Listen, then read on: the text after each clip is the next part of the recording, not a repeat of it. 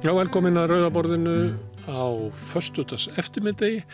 Þá höfum við hér stund sem við kallum vikuskamt og þá förum við fréttið vikunar og fáum til þess hjálp og góðu fólki og reynst okkur mjög vel og hér er komið góður hópur. Hérna er Mattias Mattiasson, hann er klíniskur sálfræðingur og teimistjóri í geðhilbriðis teimi fangelsa. Já, nákvæmlega. Það er Þetta er, svaka hlutverk. Ha, já, allavega, svo, já, heitið er stærra heldur en kannski ég. en ég myndi ekki treysta mér í þetta. Ekki frekar í hlutverk Páls Áskis Áskissonar sem er leðsugumöður. Ég myndi ekki treysta mér í það. Hmm. Og svo er hérna Ragnheiður Eiríksdóttir, betur þekkt sem heiða í unum. Útvars og tónlistakona, dóttursnið með heimsbyggi. Rétt. Ég myndi treysta mér í útvarpið. Ekki heimsbyggina? Nei, Nei. Nei, ég myndi ekki gera það. Sónum minn fór í heimsbyggi og var alltaf röfland eitthvað í tímum og ég held að allir verið fegnir þegar hann að hætti. Já, það verða náttúrulega allir skrítnir ef þeir eru það ekki fyrir sem fara í heimsbyggi. Það er basically þannig. Og svo er Sanna Magdalena Mörtustóttir sem er borgarfullrúi.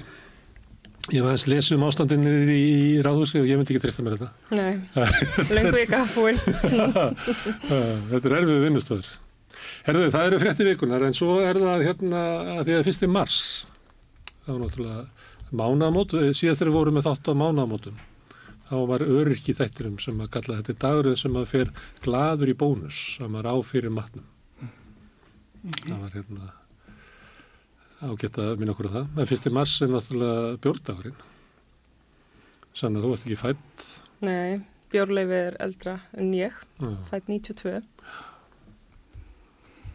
Páll Ásker. Já, ég var fættur. Já, Og drakstu bjór. já dag, ég geri það. Ég geri það. Þetta var, það var miðugudag og ég var starfsmæður þver, sem þá var nýri þverholti. Ég líka. Já, mér ámar eitthvað þetta. E, það sem ég e, mann frá þessum degi Já. er það að við fórum, nýttum okkur þetta nýg fengna frelsi og fórum út um kvöldið og drukkum okkur hamingsamlega full og höfðum svo nokkra skemmtun af því að þegar við mættum til vinnu morgun eftir á 50 degi þennan stóra vinnustad þá voru komin skildi upp á öllum hæðum húsins þar sem stóð áfengisneislega stránglega bönnuð á vinnutíma þau höfðu ekki verið þar áður Nei, nei. Hefðu svo sem mátt vera þar á? þau hefðu máttu verið þar áður Það voru ekki allir héttur í vinnunni? Nei, Heiða, þú hefur ekki verið að byrja að drekka á þessu tíma? Jú, jú, jú. Ha? Ég var að byrja að drekka. Ég var búin að vera í hljómsittum sko í nokkur ár þegar þetta var. En hérna, þetta var ekki svona mikið, hérna, Ég hátist það. Nei, þetta var, við vorum ynga megin eitthvað að velta þessu ótrúlega mikið fyrir okkur hérna unglingar í Keflavík á þessum tíma en hérna að sjálfsögðu þá man ég eftir því að ég var ekki komið sem sagt með aldur en það var eitthvað sem að kefti fyrir mig hérna Löfenbrá, Er það ekki fyrsta- Það voru bara þrjár tegundir sem voru fluttar en fyrst. fyrsti bjórin sem var lefiður Það eitthvað, Löfenbrá og einhverju tæri viðbútt. Það muni allir eftir.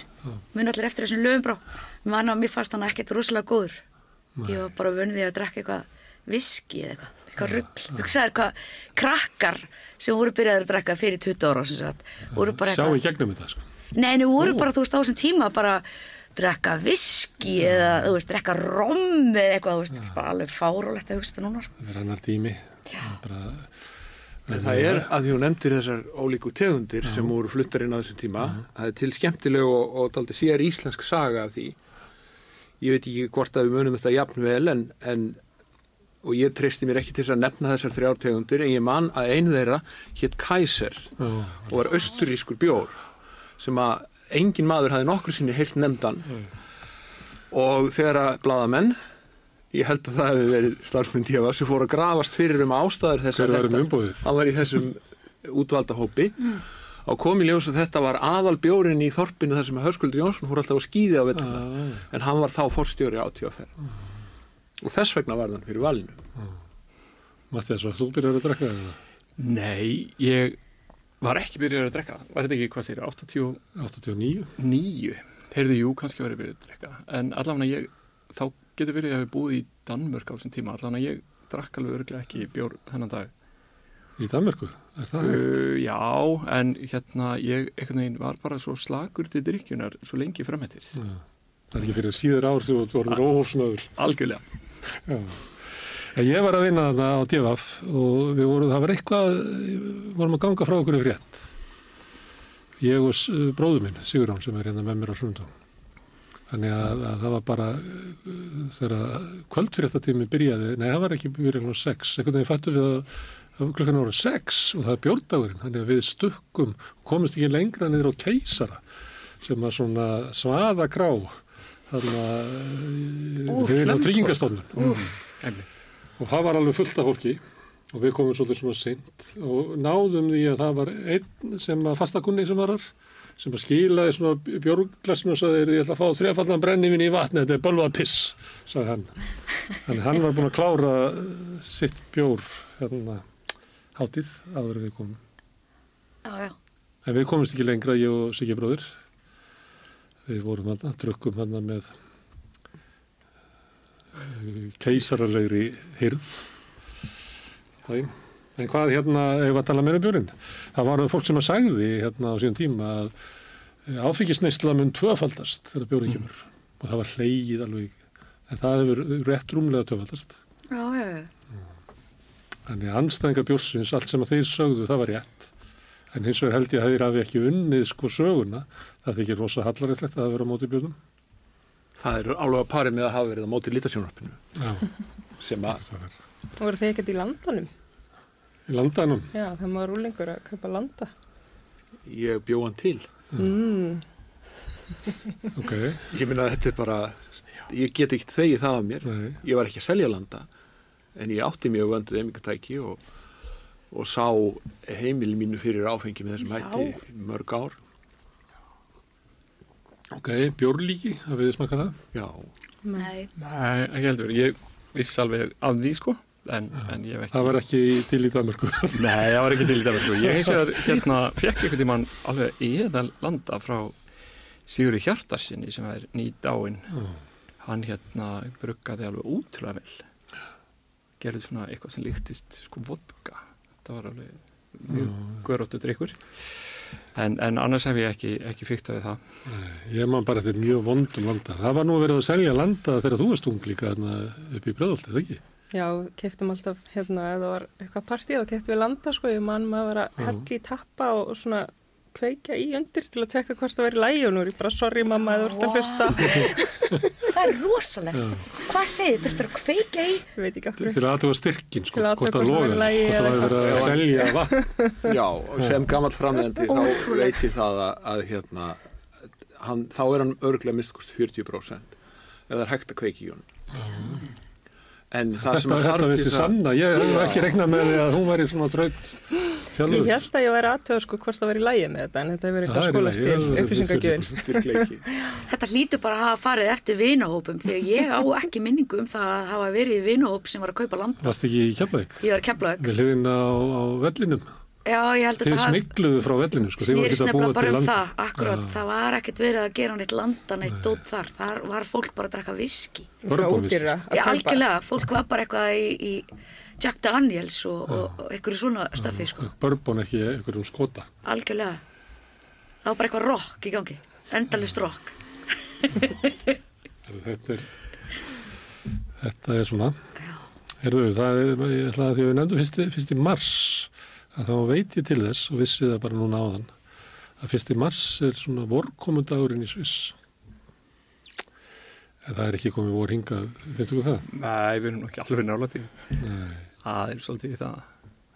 Já, því miður. Ég, er, ég var í, til í að lítið anna, aðrar ástíðir en, en svona er þetta. Já. Það verður að búa við þetta. En það er bjart Já, það er bjart. og það er fallegt. Já, það er mjög fallegt. En það er spáð, hérna, það er í veðspáni nýju stiga hitti í Reykjavík fyrir næstu viku. Æðislegt, ó, hvað er til í það, það er ekkert sérstakt fagnar enni. Því að það, við töpum öllum snjó. Það er frábært, Nei, það er ekki, burt ekki með frá- snjóin, Nei, engan áhuga á snjó, við viljum hafa hann. ekki Reykjavík, Akkur ætla að hafa snjó. Að geta verið út að leika mér skýðum. já má hann ekki verið í fjöllunum bara. Jú, en það, svo er, ef þið hafið lesið blika.is sem er vefur Einar Sveinbjörnssonar veðurfræðings, þá er þar mjög áhugaverð grein um langtíma spána fyrir mars og hún er ekki góð. Það kemur, það, það er sem sagt, það eru hlýjindi framöndan. Ah, Já, það er góð spá. það er góð spá. Nei, það er góð spá. það er ekki góð spá. Mér finnst það maður á ekki bíl. Ég nefnilega, kannski er ég eina manneskja hérna sem Já, á ekki ekki bíl. Bíl. ekki bíl. Frábært. Ég noti ekki bíl, hefur ekki átt bíl síðan 2020. Þá var hérna unglingsstrákurum minn orðin það stálpar að hann þurfti ekki að hafa örgisneti sem að fóreldrar eru oft með til að hafa bíl til að geta skuttla babú sko eða eitthvað. Og uh, ég er semst alveg bíllus, ég er með árskort í strætó og þegar að maður er að reyna að lappa líka á móti að þá er bara ótrúlega erfitt eins og staðan er í dag. Sammála. hvernig verið er að riðja götur hvernig verið er að riðja götur upp á gangstjættir það er algjör forgangur í bílamálum versus gangandi vegfræður tala nú ekki um hjólandi. Þannig að hérna, þetta er bara ekkert fagnaður efni. En næst þegar þegar þú ert að labba skrönglast þarna eftir gangbrötinum í snjónum. Gangstéttunum.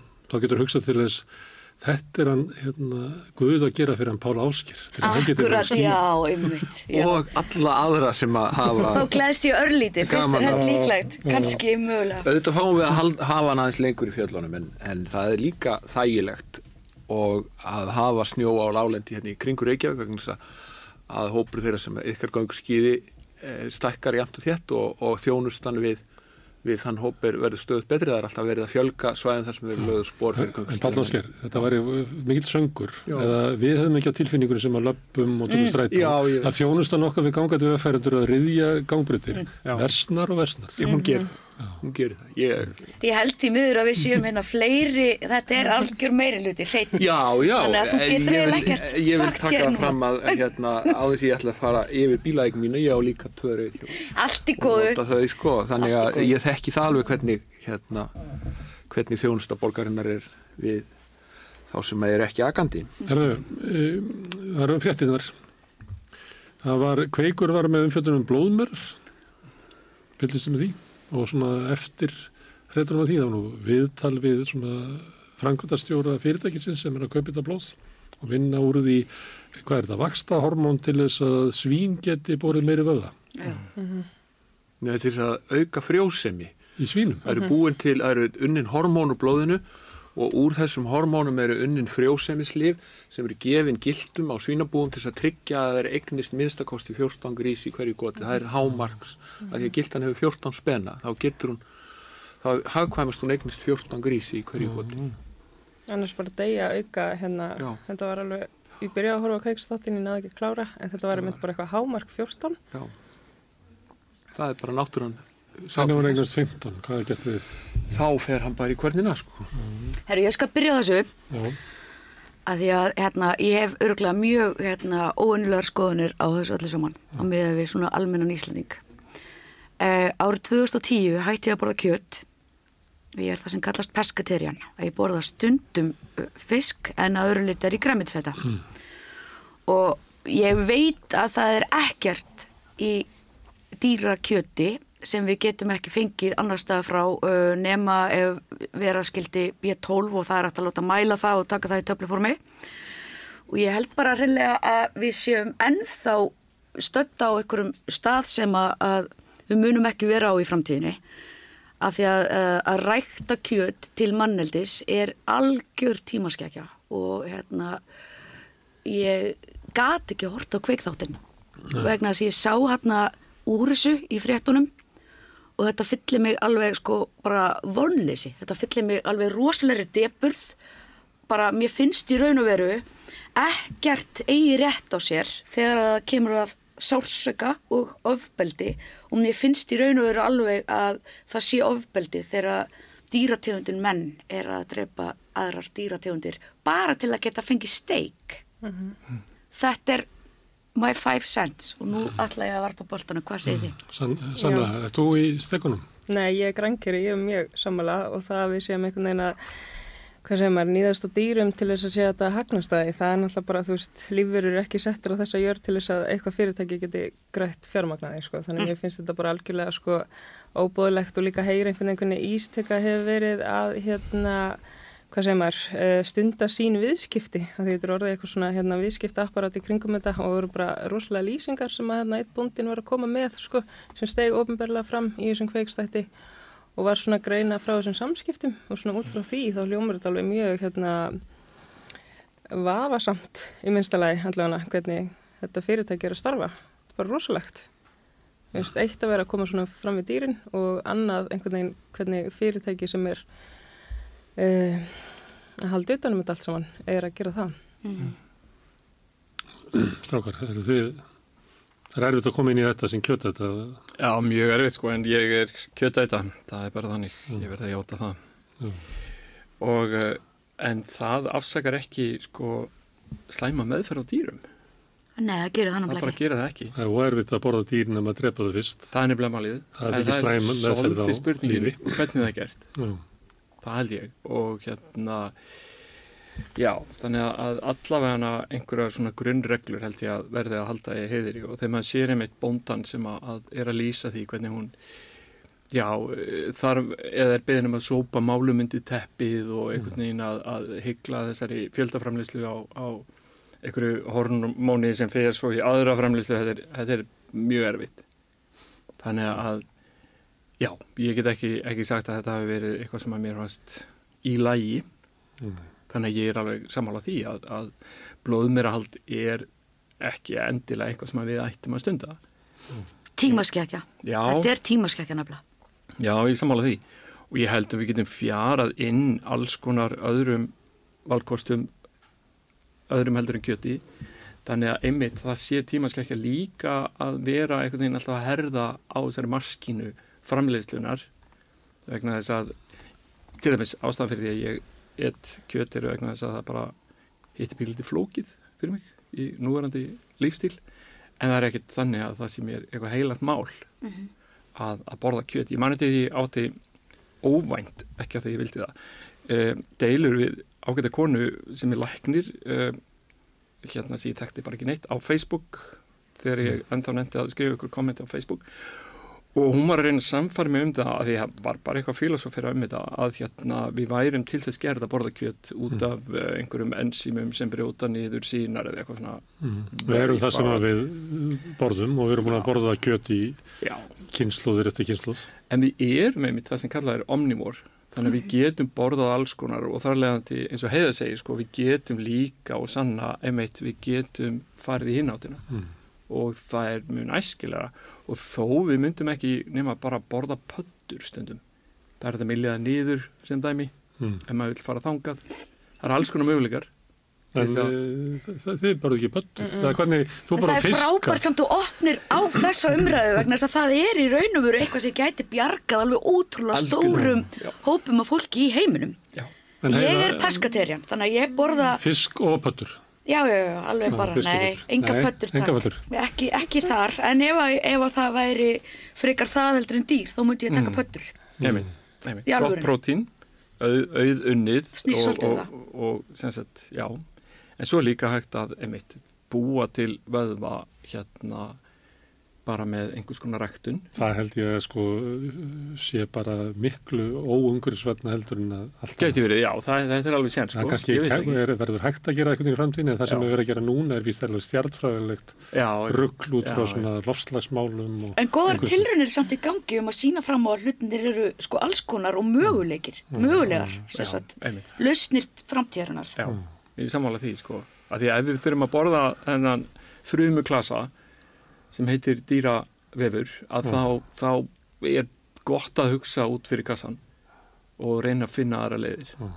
en, en já, ef að það er mikið umhverfisbór sem að hlýst að því þá er það kannski ekki til að snýra Myndir þú borða rækta kjött?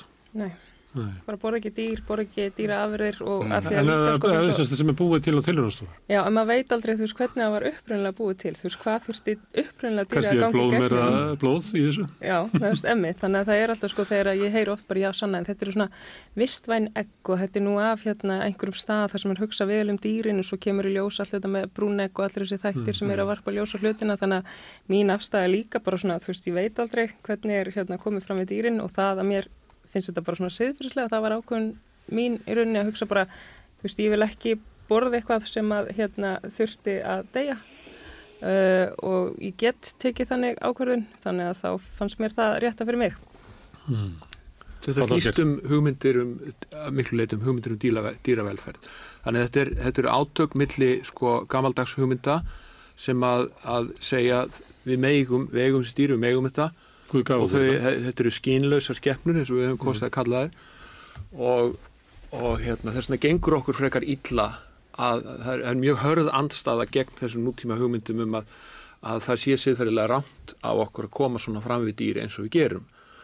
Og þarna eh, hafa menn staðnamst við blóðmerhaldið vegna þess að það eru óumdeilt ílmeðferð á skepnum en, en ef, við, ef við samþykjum að það sé ílmeðferð á skepnum þá er mjög, mjög margt í nútíma landbúnaði sérstaklega versmiðu búskap eins og stundar á kjúklingum og svínum sem að þólir bara enga skoðun og, og, og Íslendingar eru, eru langt, langt á eftir öðrum þjóðum í, í öllum hugmyndum hvað þetta varðar.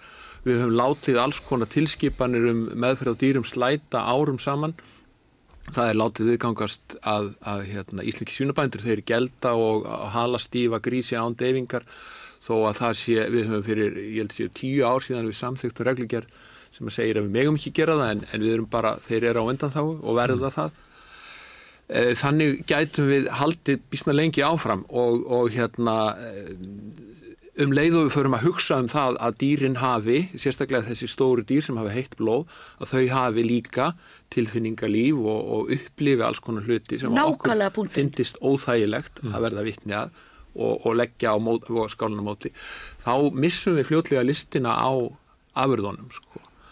að svo getum við deilt um það sko, einhver sagði einhvern tíðan mín eyru sko, ef fiskar getur gefið frá sér hljóð Já, þegar þeir eru hasaðir, halaðir upp úr sjónum þá myndi enginn fást til að vinna við sjómennsku og, og, og ef að lagsin geti gefið frá sér hljóð sérstaklega þeir sem eru fari gegnum veið og sleppa kannski mörgum sinnum hverju einsta sumri það gildir það saman það við myndum aldrei samþykja en þe- það eru dýr með kallt blóð sem gefur ekki frá sér hljóð og, og ef þú googlar þetta þá finnur þú ótal greina sem segja að fiskar hafi öðruvísi tögakerfi sem að finni upplífi sásauka ekki með sama hætti og, og spendir. E, það er líka hægt að finna rannsóknir sem að sína fram á að, að það kann vel að vera að þeir upplifið þetta öðruvísi en það er ekki, þar með sagt sé ekki óþægild fyrir það. Þannig að um leið og þú setur þið þarna megin við borðið að við megum ekki koma fram við dýrin e, á þann hátt að það valdið þeim þjáningum, þá hættum við jafnframt öllum allir í neyslu á dýra. Sko, má ég segja eitt, mér finnst þú hafa bara gjörsanlega þarna, hitt gjörsanlega naglan og höfuð þegar þú sagðir þessa litlu setningu þarna í upphafi að við höfum alltaf litið á það að dýr séu skinlausar skeppnur. Það er líkilinn að allir þessar umræðu. Og ég er mjög meðvitið um það að Já. algjörlega, hérna, ég er að borða fiskan þá þannig að sem, ég, ég segi ekki, sé vegan, ég er það auðvitað ekki, það er bara þannig, en ég menna það hefur kannski eitthvað með það að gera, ég er alin upp á þeim tíma þar sem að unglingar gáttu valið um að fara í bæjavinnuna eða fara í fristús og ég fekk vinnu í fristúsa því það var betur borgað. Þannig ég er með þessa hérna köldu sín hérna ég er að búa til mat og hérna hef unni við öll stig fiski, framleiðslu eins veist, og það er. Og ég, ég hef í raun og veru ekki þessa tilfinninga en hérna svo hef ég líka þú veist hérna borðað alls konar dýr og svo bara fór ég að átta mig á því að það er rosaleg hræstni í því að vera að horfa á fallega lampið og vera svo að fá sér lampastegg og það er eiginlega auðveldara fyrir mig af því að ég hafi unnið í þessari framleyslu þarna fiski að sjá að þarna er í raun og veru eitthvað ramt í gangi sko. En það er líka þessi tegundahyggja eins og þú veist, sum dýr er einhvern veginn svona talin, þú veist, merkilegur en önnur, þú veist, og svo ef maður spyr bara já, af hverju borðum við ekki hunda? Já. Það er bara, vá, hvað er að þér? Af hverju þetta segja þetta? Vá, hvað er ógislegt? En ég var í Kína og ég byrði prófaði áður en hægt að bara kjöt, þá prófaði ég hund sko. Það Já, það var, var það, þjóðin, kórska þjóðin tók því svipað held ég og Íslendingar myndi taka því að það væri bannað að borða. Ja, til dæmis ef við hyrfum aftur til fortíðar og bönnuðum hrossakjötsneislu að þá er einhver hluti okkar sem myndi telja það bara gríðarlega árás og sinn lífstíl menningu. En ef þú vilt horfa á hagkvæmnina í þessu, þá hefur líka, hérna, hefur mér verið bent á það að, að sko, partur af óþægindunum við að borða litla lampið eða kálfin eða fólaldið eða hvað það er, það er vegna þess að við höfum grunum að móðirinn tengist afkvæmi sínu tilfinningaböndum og upplifi sorg þegar að, að þetta sambandi er rofið. Já.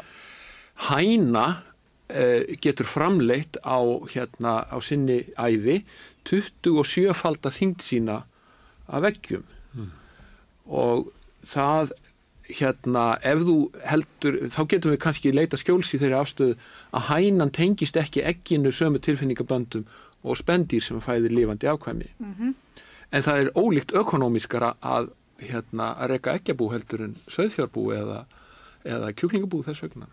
Ég, ég spurði hinn, hérna, er þú borðar í kjött?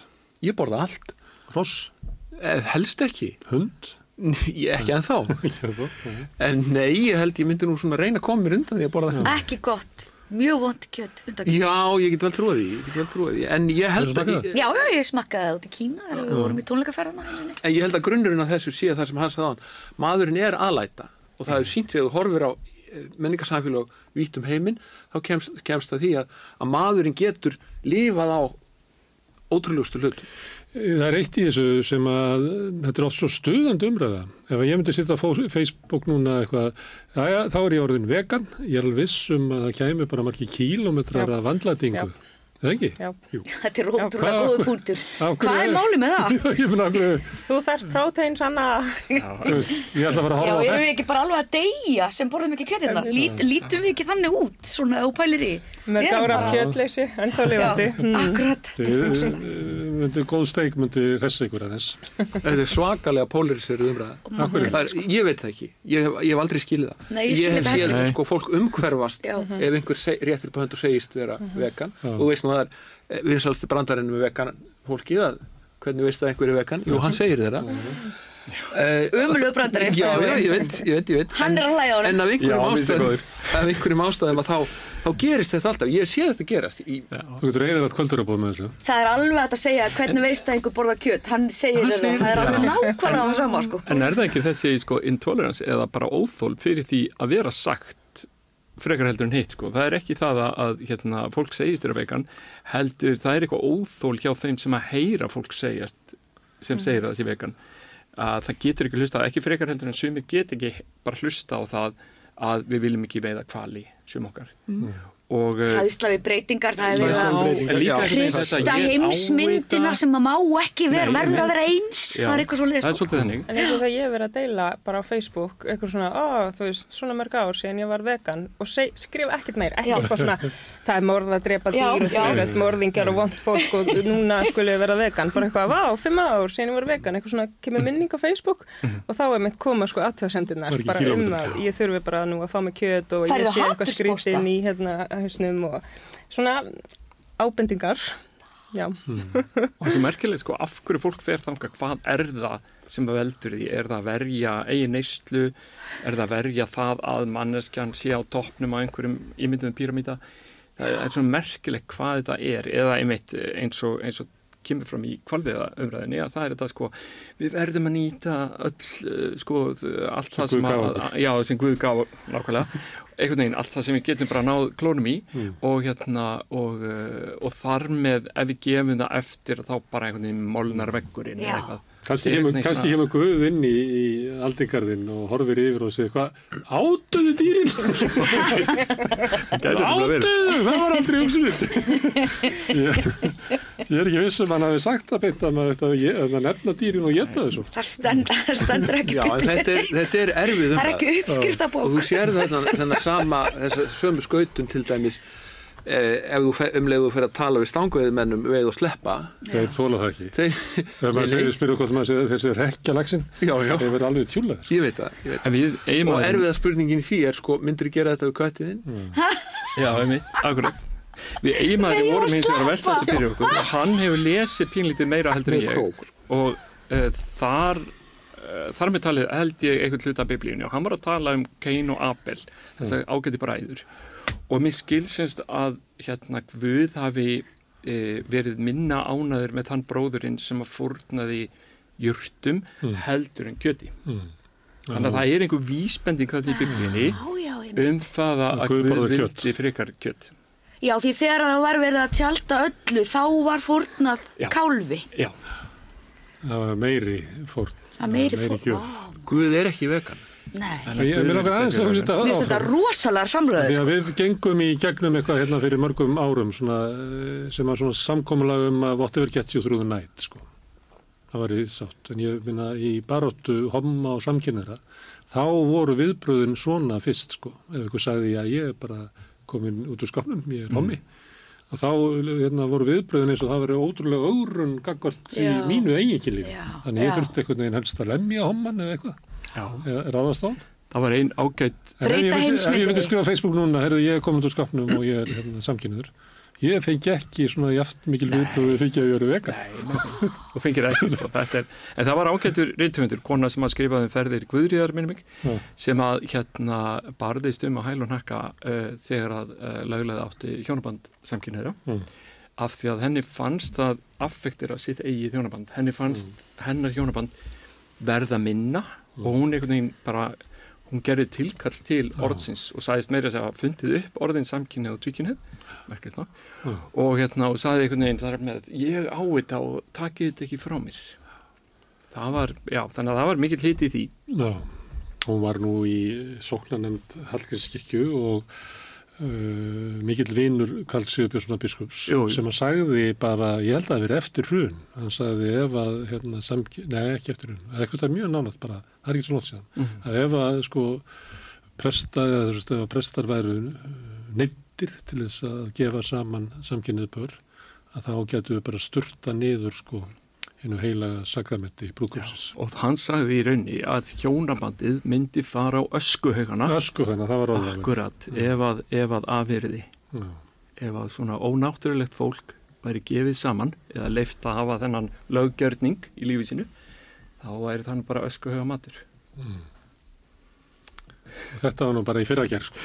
Þetta að gera Þetta Ætli þau hafi lesið biblíuna sem er að halda öllu þessu fram? Ætli þau hafi í lesið bara alla biblíuna í helsinni? Það er góð spurning sko Það er ég, náttúrulega mjög margar mótsagnir á milli Já, gamla og nýja testamenti sko. Akkurat, og ég meina á miða við það hvernig upplýst fólk í dag á að geta dreigið álíktanir og þá það eru þetta ekkert hægt að hérna, lifa eftir þessari bók þetta er bara samasafna af einhverjum ritum og munnmælasögum og þetta er alveg eins og að bara fara að lifa eftir þjóðsögum Jóns Árnasonar. Í alvöru talað fólk sem er allar í alvörunni að setja sig í sagt, það er allt annað að geta haft einhverju svona trúa á að sé til eitthvað stærra Ok. en maður sjálfur sem að bara býr til auðmygt og, hérna, og virðingu fyrir náttúrunni og öllu fólkinu í kring. En að þú veist að það þurfi alltaf að vera sko trúarbrögð. Því trúarbrögð eru ekkert nema veist, fólk sem er búið að tólka eitthvað og segja svona er þetta. Svo kemur einhver annar og segir nei, þú ert að miskilja þetta, er svona. Og svo er einhverju svona textar en þetta er ekkert guð það er engin guð í þessum textum þetta er bara eitthvað fólk sem að er að besservisserast um í raun og veru hvað er best fyrir okkur sem En heiða, ég er með svona nýtt Facebook-test. Ef ég, ég, ég, ég, ég er að Facebook- læra heimsbyggi Ef myndi þetta. skrifa á hérna, á hérna Facebook, hérna, það rann bara fyrir mig ljós og hérna, ég hef ákveðið að gera Jésu Krist að leiðtúa lífsmís. Þá fengi ég líka svona 180 km vandlætingu á Facebook. og á örglega líka annað eins af fólki sem væri bara alveg að elska það sko. það er nefnilega, ég held að sé ótrúlega margir sem séu eitthvað bara mm. alltaf sé ekki bara meira tapu að vera mjög kristin í dag en að, en að vera samkynniður eða tvíkynniður eða eitthvað Fólk verður ótrúlega vandræðalegt ef að einhver í fjölmennum hóp lýsir því yfir að hann hafi skýra trúarafstöð. Já. Það er alveg, það er alveg sérstök tegund. Ég stóð í ring fólkshóp, mm. í svona stórum hóp í gær, gærkvöldi og það var verið að tala, þetta voru allt reyndar, og það var verið að tala um svona, þú veist, hvernig þetta ná aðtikli hópsins í upphæfi ferðar og einn svona og það var eitt sem að sagðist alltaf áður en hann leggja á staði ferðalag. Þá sagðist hann hérna annarkvort með sjálfum sér eða hópnum fara með litla bæn nú skulum við leggja á staði þess að ferði í drottins nafni. Og það var alveg áhugavert að sjá hvernig sko að líðaðist um hópin svona alveg sérstök tegunda og þægndum, menn vildu bara vildu ekki heyra þetta. Fólk getur pröfað þetta í, ef það er í kvöldurabóði að segja ef við ekki að fara með bæn. Alltaf okkur viðbröð vera.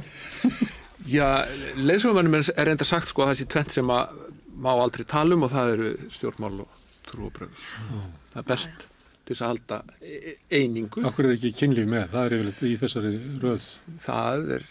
Er það ekki bara að verða minn og minna takk? það Er ekki bara allir alltaf að tala um kynni Jú, núna? Jú, jú. Herði, ég er að leiða þetta svolítið inn að það er rosa ríkt í samfélaginu það að við séum að skipta okkur af því hvernig annað fólk lifi lífið sinu. Já, Það er að Það er trublar rétt. okkur ekki neitt, þú veist, ef að þið hennu trúið á eitthvað, þá er það bara frábært fyrir ykkur, þú veist, það trublar mig ekki neitt hvað þið er að gera heima í ykkur og í lífinu, eða hvað það borðar. nefnitt, Já, hvað borðar meira kjött fyrir ykkur. Já, við sjáum þetta mörgum, mörgum stöðum og til dæmis sjáum þetta rosalega stert í trans umræðinni Já.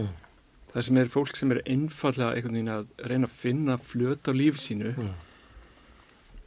eitt liggur við á með sjálfu sér oft á tíðum og fólk hefur óendarlega skoðanir stundum á þessu og, og þær geta orðið ótrúlega hatarmar það sem er einhvern veginn er þrengt að transfólki Mm. Og því gerðar upp skoðanir eða, eða ætlanir eða eitthvað. Og, uh, og þannig, þetta er svo skýrt dæmi um það hvort að fólk fái nú stundum bara eiginlega verið friði.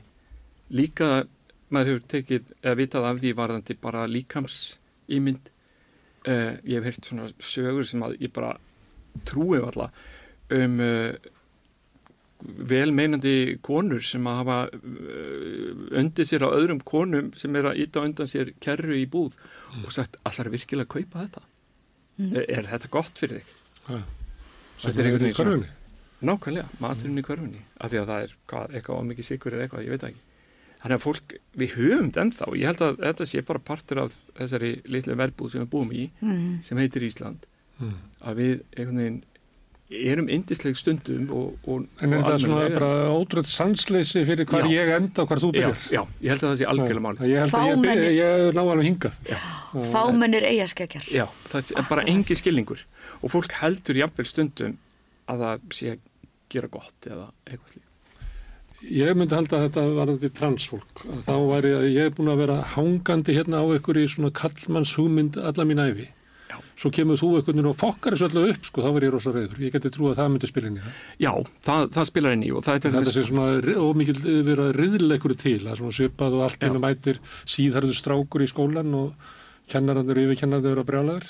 Það Já. er eitthvað svona, það er verið að, uh, verið að fokka upp svona uh, heimsmyndinni minni. Einmitt. Já, og það hefur aukist þetta félagslega samþykki fyrir því að pöngast í til dæmis transkonum Mm. spurja einmitt frábæra kajak róðrar konu, ertu með tippi eða eitthvað slíkt eins og það komi einhverju Það kemur við. bakslag áður en þetta verður aftur í lægi. Þetta snýst náttúrulega um öll, allir fordómar eru á, af sama meiði sem að snúast algjörlega um það að fólk er ofbúslega óörugt og hrætt af því það skilur ekki alveg eitthvað. Það vill ekki viðurkenna fáfræði sína þannig að það ræðst frekar á heldur en að setja sig í eitthvað.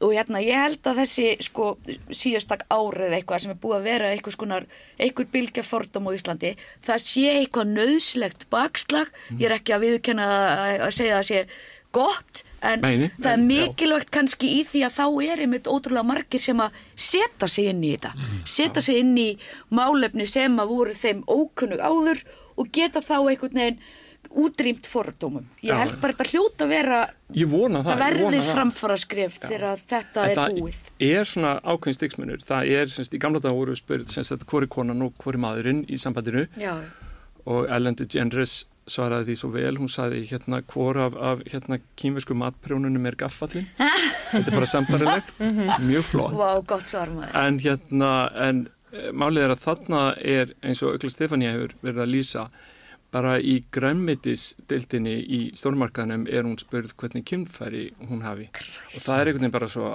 það er svo yfir öll mörg Það er svo taktlust. það er svo ótrúlega taklist Já, tilætlunum sem er svona ætlast Já. til þess að þú bara svari Já. mér hér og nú bara hvernig líka með þinn er nákvæmlega samsettur. Því ég er bara með þessu spurningu. Aha. Ég ætlaði að fara að kaupa epli en svo sá ég þig og ég bara verða að fá svar núna. En ef við þá ekki að bara renna yfir í, það hefur verið svona annar tónn í umræðu um útlendingamál, Já, sem tengist tengi. þessu kannski. já, Að því að við erum að tala um hvað fólk getur svona gengið upp að fólki og spurt og svona, ég meina, Fordómar og Sanna þú fáfræði. lendur ótti því og spurt hvaðan ertu Mm Þetta er búið að minka núna. og þá var fólk ekki við að þú sett úr breyðutunum. Nei, nei, nei, nei, það er bara hvaðan eru fóreldreinir, hvaðan ertu í alvörunni og svo þegar maður er alltaf búin að segja breiðoltið, já, þú veist, afi minn frá Ísafyrði, þá bara, nei, þú veist, af hverju ertu svona brún? já, minn á Ísafjörði var bara mikið í sólinni. Emmitt, bara svona, hérna, eitthvað svona fólk sem ég þekki ekki og veit ekki eins og nafni mitt og það bara svona, þeim finnst þau verða að spyrja. Verða bara að komast að því af hverju það er eitthvað brún manneskja sem segist þér íslensk. Finn, finnur þú fyrir þessi svona meiri svona hít í umræðinni núna? Mér finnst þetta náttúrulega það er eins og hérna flest uh, öll í stjórnmálum sem er búin að hoppa á rasistavagnin um, og bara fara í gegnum Facebook að því að þú veist ég er bara með alls konar manneskjur á Facebook og er með þetta frekar opið og svo sé ég eitthvað sem er alveg viðbjörslegt um, og mér finnst þetta orðið hérna miklu meira ábyrjandi en þetta er náttúrulega í, út frá þeim sem er að sækjum alþjóðlega vend, uh, flotta fólk og mér finnst það svona beinast að þeim og þeim sem eru þá hérna brún eða svört og eru að sækja um þessa alþjóðlega vend um, þannig mér finnst það hafa verið mjög áberandi hvernig stjórnvöldi er einhvern veginn bara svona að kenna þeim um bara hrun samfélagsins í snæði fyrir að líta inn á við og, og mér finnst það hafa verið mjög áberandi bara í hérna aðtöðsamdakerfi, samfélagsmiðlum og það er eins og það sé búið að opna fyrir það að megi segja bara hvað sem er. Það er engin svona hérna uh, rítskoðun lengur í gangi. Það er ekki þessi svona sofarasistar það er bara, það er bara verið að segja bara beint út bara viðbjúslega hluti. Ég tekja eftir á morgin er þetta nú alltaf ekki um palestínu menn eða palestínu, fólk frá palestínu heldur um palestínu araba. Fyrst Já, já, eins og að væri talað um Sýrlands araba eða það er svona alls konar atriði sem að maður sér Það er sem breytast svona mjög hrætt sko. Já. Það sem, það sem er verið að eitthvað heitir þetta svona af mennska, eitthvað hóp. Þetta er samt í, í grunninn sko hræðslu áraður veist, þetta er, það hefur verið að, að því að það hefur orðið þessi sveifla í pólitísku umræðinni, allt í einu stíga stjórnmálamenn sem áður gerðu það ekki fram og, og, og tala með ákveðnum hætti, gagvart þeim sem að eru að reyna að vilja setja stað á Íslandi. Og maður veldur í fyrir sér sko hver er ástæðan og ég sá skoðanakönnun um daginn sem var það sem var verið að, maskína var að spyrja Íslendinga um, um hérna hvort þeir þeim finnist vera of mikið af útlendingum á Íslandi Og mikið af uh, flotta fólki. Já, og mikið af fló- ég man ekki notað. Já, og þá gáttu þeir mælt sem sagt mikla breytingu frá því bara fyrir þremur, fjórum árum. Í svörunum sem sagt. Já, í svörunum. Það Breytingin er uh, Úkræna. Já, Það gerist, breytingin verður á milli 22 og 23. já, þannig að, að sko að það er núna, ef ég man rétt að þá voru 60% í Já. konunni sem sögðust, sögðust halda að það væri of mikið af flotta fólki á Íslandi Já.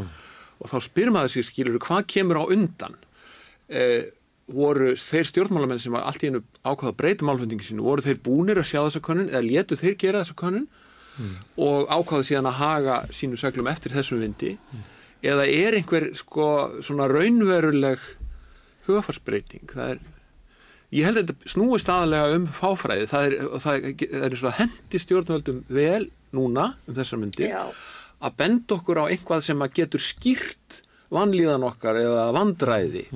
Og, og þá er þetta einhvern veginn hendugur sko já, finnst þér þú ekki hafa nú að há laun? Já, það er vegna þess að þetta, það er þetta sem er Þetta er svo dýrt. sagt falin kostningáraður. þetta er falin kostningáður Vá. ég held nefnilega að, að hérna, það sé stýttra í kostningar heldur en Já, og ég held að, að þetta sé alveg rétt og Já. að því að maður getur velt fyrir sig sko, er, hafa, hefðu þessi stjórnmálamenn sem eru byrjuð að tala, byrjuð að tala svona núna, hefðu þessi skoðin áður og hvað, fóruð þið þá lengt með hana, eða af hverju kom hún ekki fram? Af hverju kemur hún fram núna svona Hávær. háværi og svona einhvern veginn einbeitt það er vegna þess að sáu Já, konunina Þetta hlýtur að vera bæ, en ég emitt sá niðurstöður þess að kanna og ég hugsaði bara að þetta hlýtur að vera út af því hvernig uh, stjórnmálamenn hafa verið að tala. Þá, þú veist, ef að stjórnmálamæður tala svona, þá hlýtt ég að mig að tala svona. Það er alltaf lægi, skilju, ef að utanríkis að það er að segja þetta, þá má ég segja hvað sem er. Þú veist, búið að svona. En og ég held hlýtur að þetta sé svona já. slipir í slóp þetta byrjar, Já. sem sagt, eh, fer út til almenning sem segir, já, er þið ok, þetta, þetta má núna, og svo kemur þetta tilbaka þannig að svona, hei, almenningur er nú svolítið á þessari skoðun sem að ég er enda bjóð til og man ekki eftir, en, en þannig að þetta vindur upp á sig. Ég held að Það, það sé alveg þetta var mikil breyting að því að, að á 2022 voru 27% sem að sögðu að væri of mikil fjöldi flótta fólk sem fær hæla á Íslandi, þannig er orðalagi Já. spurningunni. Svo stekkur upp í 60 2023. Þannig er náttúrulega verður mikil munur að miklu, miklu fleiri hælisleitur sem fá hæli hérna. Það eru Úkrænuminni, 4.000 líklega í dag, eh, Venezuela 3.000, 7.000, hitt er eiginlega bara 1.000 eitthvað, svo lítið. Uh, má ekki vera að þetta sé bara svona reynsla almennings á því að, að það var ekkert gert í að, til að taka mótur 7000 mannum það var ekki byggt eitt, ekki hálf, hálf íbúð. Það var ekkert gert til að styrkja innvið til þess að gera það þannig þegar almenningur spurtu fyrst þau eru mikið af flóttafólki sem hefur fengið hæli á Íslandi já, mér finnst það með svona miða við óbreytti innviði alveg klárlega þá, er þetta, þá er þetta eins og spýrall sko. að þá, þá sagt, breytist uh, það reynir einhvern veginn á þólmörk almennings Já. án þess að við beinlýnist tökum eftir því Já. í svona daglegri umræðu það er ekki eins og stjórnmálamenn hafi á þessu ári frá degin í dag, for example verið að ta- breyta málflendingi sínum. Þeir gerðu það ekki fyrir núna bara fyrir tveim mánuðum eða svo. Nei, sko, Jón Gunnarsson og félagar, þeir byrjuðu já, svona hausti 2023 þeir hafa alltaf talað svona. Hausti 2022 Ístahægrið hefur alltaf talað svona. En ég, ég velti því fyrir mér sko hvað kom á undan ekki það hægni svo rökkva stjórnmálumenn sem að stríða við minkandi fylgi. Þeir sjá þess að fá að sjá þessa könnun og þá áttaði sig á því að þannig flauta sem að þarf að um blása í, sko. miðjuflokka Já, sem eru að breytast Já, núna. og það sem að Kristrún sagði Já, hún er ekki að, hún er ekki að kljástu við lítið fylgi. Nei en, en hérna en, stjórnmálmenn, það er, það er ekki til sem er dróð mikið fylgi mm Ég held líka hlutverk fjölmiðla spilir stert inn í að því að þau eru að tala um þú veist að vanta innviði og þú veist þá kannski gæti einhver innfættur hugsa bara eitthvað já, ég fæ ekki húsnæði að því að einhver erlendis frá fær húsnæði. En svo koma fjölmiðlar, svona ráðandi fjölmiðlar inn í þessa jöfnu og einhvern veginn tólka veruleikan fyrir okkur þannig ég held að það spilir líka rosa hérna það spila líka í öllu þessu, þú veist, hvað við að sjá í fréttum þessar fyrirsagnir, hvernig eru hlutinir orðaðir? Og þú veist, eins og einn fyrirsagn sem er ofta ábyrjandi, aldrei fleiri sóttum alþjóðlega vend en það er ekki sko samþyktar umsóknir þó skoðir, þú veist, hversu mörg hafa sóttum, þá er það ekki niðurstaðan endanlega. og inn í því eru þessu úgrænumenn sem enginn þorir að segja. Sko sjálfstæðismenn þorir ekki að segja það hérna, við ættum bara að hætta að taka mát úgrænumennum sérstaklega núna þegar eru hérna, við erum með 3000 frá Grindavík sem eru flóttamennin í eigin landi og við segjum bara stopp. Við þorir ekki að segja þetta sko. En samt eru úgrænumenn sko kannski langstæsti hópurinn. sko. það, það mun ekkit verið að slaki á innviðunum með því að sko taka ekki á móti palestínu mönnum þeir eru bara kannski 230 Það er líka svo aðtekli verðt að, að núna þegar að, fólk úr Grindavík er einmitt að lendi í þeim bara mjög hörmulega aðstæðum Mm. að þurfa að fara frá heimilin sínum að þá er farið að tala um álag á uh, húsnæðkerfið Mm. og hvort að þurfum ekki að fara bregðast við því en þegar að 7000 manns Mm. komu inn það var einhvern veginn ekki mikið minnst á það eða ástandi sem var bara á leigumarkanum bara út af ég meina, fólk sem að bjó í algjörlega óbærilu húsnaði í innæði hverfanum mm, þess að heldur Já, en það var ekkert gert Þannig að það einmitt þetta að sko segja að það er álag á innviðina post-talk, það er einhvern veginn, nei, nú er álag á innviðina fyrir hvað voru það að hugsa þegar þið settuð ákveðna hluti í gang. Mm.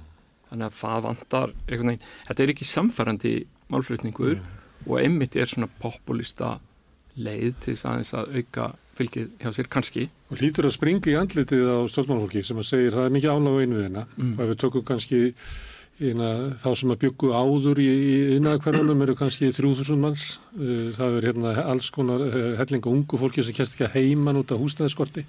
Svo tökum við sko 3000 frá Venezuela, 4000 frá Úkrænu, einhverju þúsundur annars og koma 3000 hérna í grindvíkingar inn og stjórnmálamenninni segja við ætlum að herða reglurnar hérna um fjölskyldusaminningu sem að kannski minkar álægi sko úr 10.000 niður í 9.992 Hann er bleið málið. Já, og þá eh, svo líður tíminn og þá ætti að koma að lausna á því að það ætti að vera stittri tími að komast til læknis, það ætti að vera auðvöldra á húsnaði, það gerist ekki.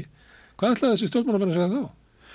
Ég held að þetta sé hérna, þetta snúist um kostningar og ég held líka að, að, hérna, að það séu nær heldur en, heldur en dagskráin segir Já, í þeim skilningi, ég held að verði kostið ekki setin í september höst og hérna og þetta er, þetta er bara eh, þetta er hendugt umræðuefni í kostningabaratu, það er gott að setja þetta á dagskrá vegna þess að þetta er umræða sem verður óhjákvæmilega fyrirferðar mikil og þá þurfum við ekki við í merkingunni stjórnmálumenn þá þurfum við ekki að tala um annað sem að, að hefur fa- farið úrskeiðis á síðustu fyrir ekki leysi okkar. Já, og þá er þetta, er þyrla upp svona ákveðni tegundamold við í kringum þennan málaflokk og þá hverfur margt annað í skuggan. Sko, ég er með eina pælingu sem að hérna, kemur, sem að tengist þessu alveg útrúlega mikið en kemur úr kannski annari átt en við erum búin að vera að tala um. Uh, vissulega vantar húsnæði og það er alveg staðrind og við erum náttúrulega sérstaklega hér á höfuborgarsvæðinu búin að vera lemta í því ítrekað bara eins og þú nefndir sjálfur, sjálfur á þann að hérna, ungt fólk bara hefur ekki efnaði að, að hérna, fá sér hvorki leiguhúsnaði en ég kaupa sér. Á sama tíma að þá er til eitthvað sem að heita leigufélög sem eru í raun og veru sko, það er engar reglur eða lög landslög til um í raun og veru hvað má og hvað má ekki gera. Þú mátt í raun og veru í krafti peninga sem þú átt, kaupa upp íbúðir og búa til eitthvað félag um það og hafa það svo bara vístölu tengt eða, eða bara hvernig sem að þú vilt hafa það. Það er ekki til neitt á Íslandi sem að heitir sko hámark uh, í uh, leiguverði. Það er ekki búið að setja þak á það. Þetta eru hlutir sem hafa verið að virka á öðrum stöðum. Að því ég bjó í Berlín einu sinni og ég veit að það er til miklu betri reglur þar um til dæmis hvað þú, það er þetta hámarks hérna, þak á það sem mátt rukka og líka bara svona réttindi fólks sem að er í leigu í Ef við komum til reyna að innlega Íslandsveit kerfi í Berlín að þá eru þið sko, þá eru þið slegist á göttunum. það er því sko hávær blóðum mótmæli á Alexanderplats, skal ég segja þér. Og við erum að tala um hérna þetta eru hlutir sem að hefur ekkert verið reynd á á Íslandi og náttúrulega í sérstaklega höfuborgarsvæðið er bara löngu sprungi og það mikið sprungi að fólki farið að búa þú veist í þólásöfn og, og keira í bæinn og eitthvað rugg sem að er alls ekki umhverfisvænt líka.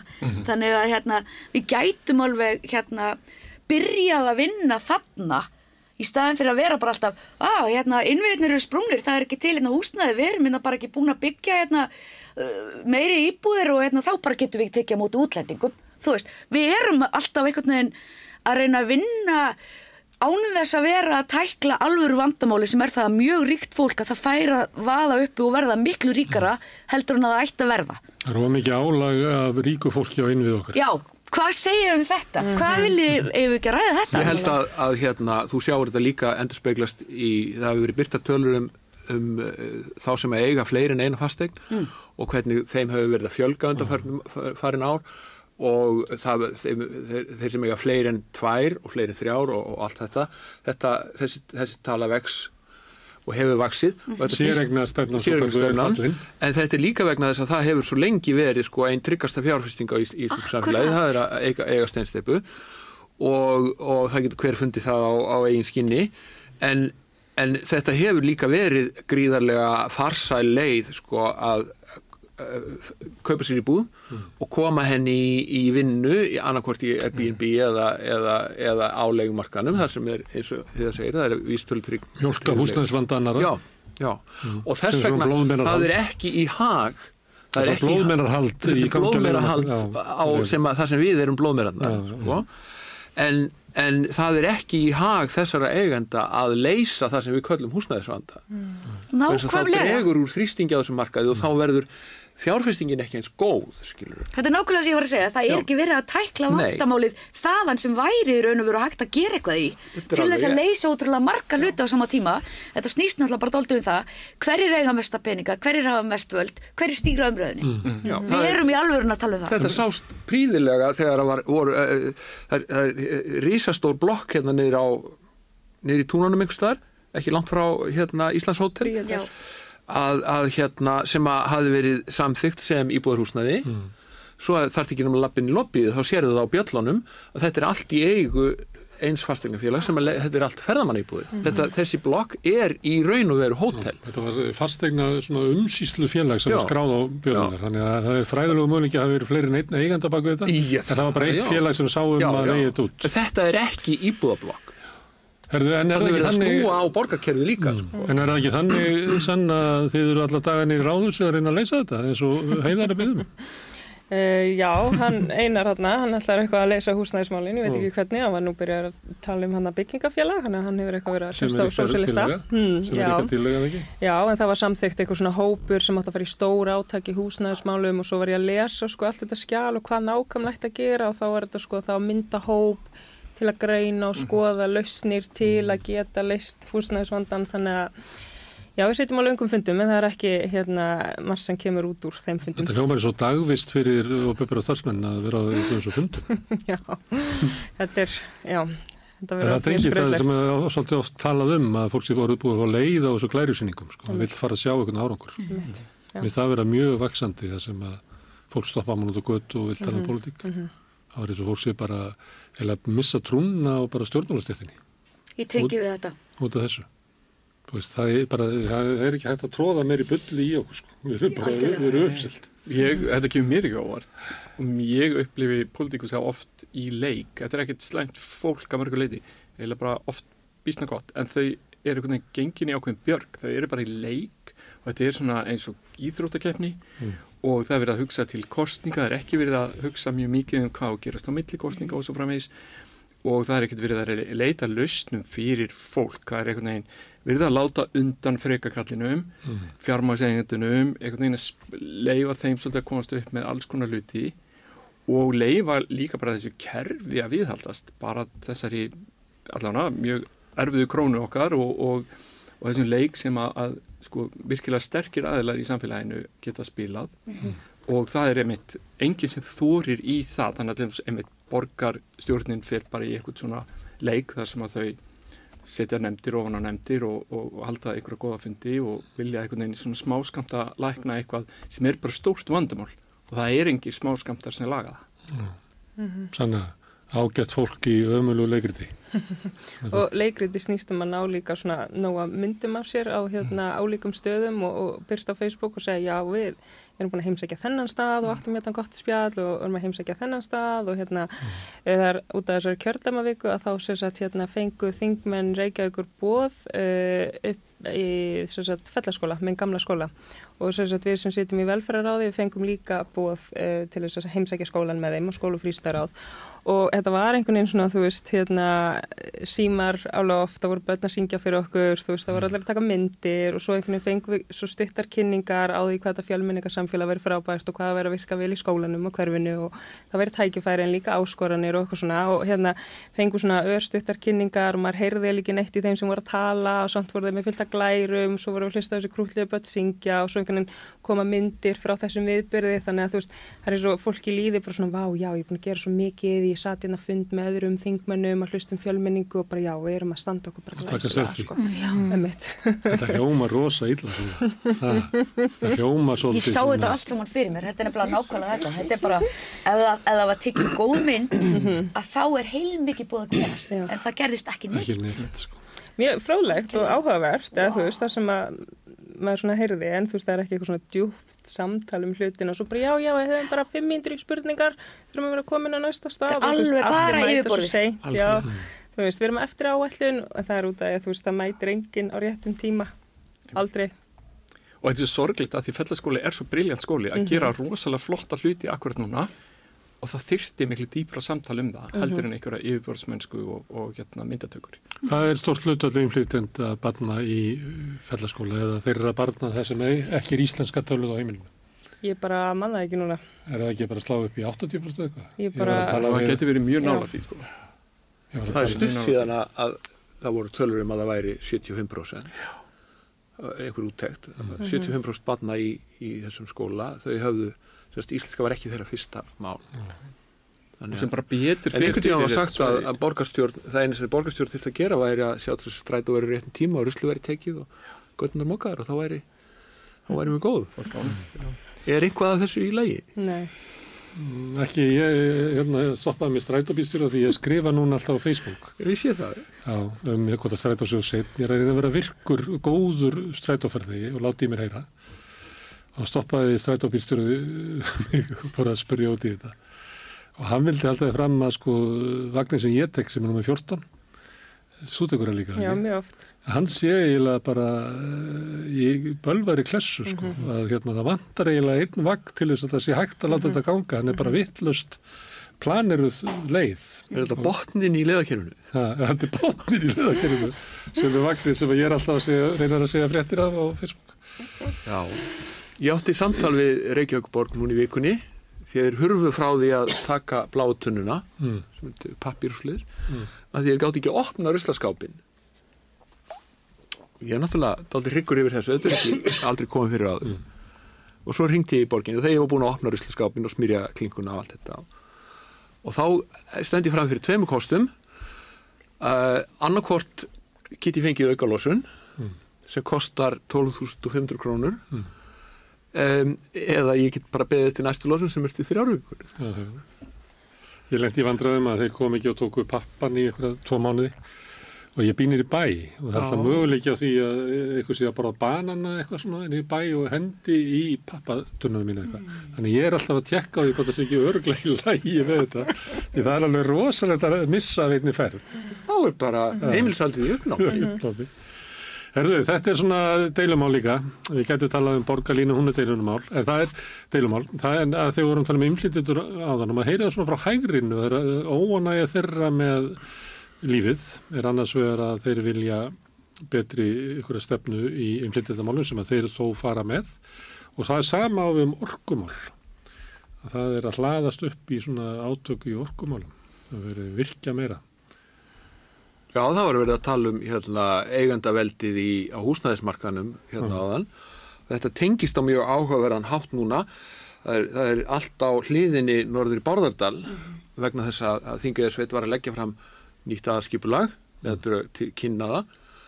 Og þá er lítil virkun sem að menn vildu smíða þar ekki inn á skipulaginu. Að því að hugmyndin var svo hefur lengi verið unnið út frá þeirri hugmynd að halda skjálundarfljóti óvirkiðu frá frá jökli til sjávar og þá er það menn algjörlega vittlusir þeir sem að eiga þessa virkunar hugmynd og eiga jarðirnar þarna tvær. Og þegar er farið að sópa ofan að því þá kemur í ljós að einn aðaleigandi þessar tvekja jarða og aðaleigandi virkunar áformana er maður sem hefur hagnast gríðarlega á eh, hérna fastegna braski eða kannski ekki braski heldur við skulum kalla það verktaka bransan. Þetta eru sömu aðilar og, og byggðu upp í skuggakverfinu, byggðu upp á í eftirleiti kringum útvarshúsið og eiga hérna það sem kallað er orkureiturinn, hérna rétt fyrir innan. Og þá hafa þeir í hjáverkum hérna eignast jarðir norður í Bárdal og vilja byggja þar virkjun. Og ha- virðast halda, fa- fara fram með alveg ótrúlegu offorsi núna þegar það rennur upp fyrir þeim loksins þegar aðskipulegði lagt fram að þetta er ekki á dagskrá og þá hjólaðir alveg ótrúlegri hörku bæði í kjörna fulltrúa og síðan keiftu þessir könnun sem að sýnir að 60% íbúa í nærum hverju virkunarinnar séu hlindenni en það fæst enginn til að segja hvernig þeir skilgreindu nærum hverfi. Skilur við, hvort að við erum að, var náði skoðanarkönnun til allra íbúa þingiðisveitar eða erum við að skilgreinaði nærum hverju virkunar sem, sem bara bárðardal og þar á leiðandi bara þá landeigandur sem fá einhverja eina eingreðslu fyrir mm. vassréttindin. voru þetta 6 af 10 næstu nágrunum Ég held það. Ég held það. En þá er þetta kynnt eins og sko að þarna sé sveitarstjórn að fara gegn vilja íbúana. Þetta er auðvitað hérna auðvitað getur vel verið að það sé ódýrar að kaupa hérna ég ætla ekki að segja að neitt hafi verið keiftur þarna nema kannski það þarf að borga fyrir skoðanakannanir það er kannski það einu sem hefur verið keift en, en það er, það er dálítið áhugavert að sjá að því að þetta er í svo litlu samfélagi Og það er svona lítil samfélag sem er að taka ákvarðanir um virkjanir, það nú Já. frækt á ströndum. jú, jú, það er það það er Svo, það, það er ekki búin að lása þá það það. ekki formlega en þar var, þar, þeir hérna það eru 27 ef við mann rétt sem eru á kjörskrá í Árnarsreppi sem er sjálfstætt sveitarfélag og þar af hafa 12 vetursetu fyrir norðan. Og þessi hópur manna ég vil ekki einu sinni vita hvað meðalaldurinn er hár. Mér er alveg saman þóttis ég aldrei svortumar ég veit það núna af eigin reynslu að þeir sem eru eldri, þeir eru í haldsamari að hérna, sem að voru látnir greið atkvæðum það, hvort það þetta virkið ekki. Þannig að það er á þegar það hendar okkur þá viljum við að sveitarfélagin hafi þetta skipulagsvald. En stundum erum við mynd á að þau eiga einmitt ekki að hafa það En uh, röggin eru að hérna, verðum að virkja, við verðum að fara í orkuskipti. Það þarf að virkja, hvað verður sagt, helmingi meira heldur en við erum búin að virkja til að eiga fyrir orku fyrir orkuskiptunum. Þetta er ekki röggin. Jú, ég held að þetta séu rökin Mér finnst umhverfisfólk vera einmitt að segja mjög góða hluti sem eru akkurat þetta að kannski erum við að búa til nóg af orku nú þegar við erum kannski ekkit endilega nótana í mjög skynsilega hluti og til dæmis þarna í kvalferði er verið að mögulega menga stóran hluta kvalferðar uh, með og í það er notuð alveg heilmikil orka. Þannig að það er spurning er þetta fyrirtæki gaglegt fyrir Ísland í sjálfur sér? Er þetta gott fyrirtæki? Til dæmis þannig að það sé einhvern veginn að nýta orkuna til þeirra hluta sem að gætu, eru gaglegi fyrir okkur eða gætu við kannski bara þakka þeim. Nú með því flytja eitthvað annað og við hérna alltaf að reyna að nýta þessu orku í orkuskipti. Það er nú, uh, er ekki svona forröðis ekki hjá þér? Og hérna, er ekki atunufrelsi, með að menn ekki hafa járngrítis og álbræðslur eða vilja eða veiða kvali eða er svo svaraði yfirleitt sko. Þetta, akkurat, akkurat. Mm. þetta er nefnilega vandamáli sko. Það er ekki tísku að við sem, sem hópur að taka ákvörðunum orkustöfnu eða orkunýtingu. En það er eins og í minni umræða með díða sem varst að segja um sko, þú veist, þurfum við virkilega, þú mm. veist, hérna, þurfum við ekki að skoða bara hvernig ork, þú veist, við erum að nýta orkuna sem er nú þegar til staðar, frekar en mm. bara að við þurfum eitthvað miklu meira. Já, og þegar við verðum að tala um þessi orkurskipti þá er líka alltaf þegar við verðum að tala um að við þurftum að tvöfalda orkurframleysluna mm.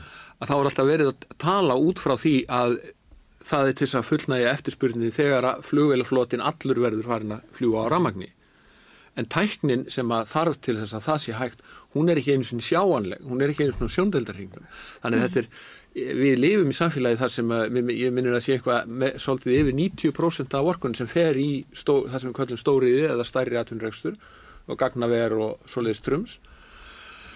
Þannig við þurfum bara ákveða sko eins og allir er að benda á að, að í hvað við ætlum að nota þetta.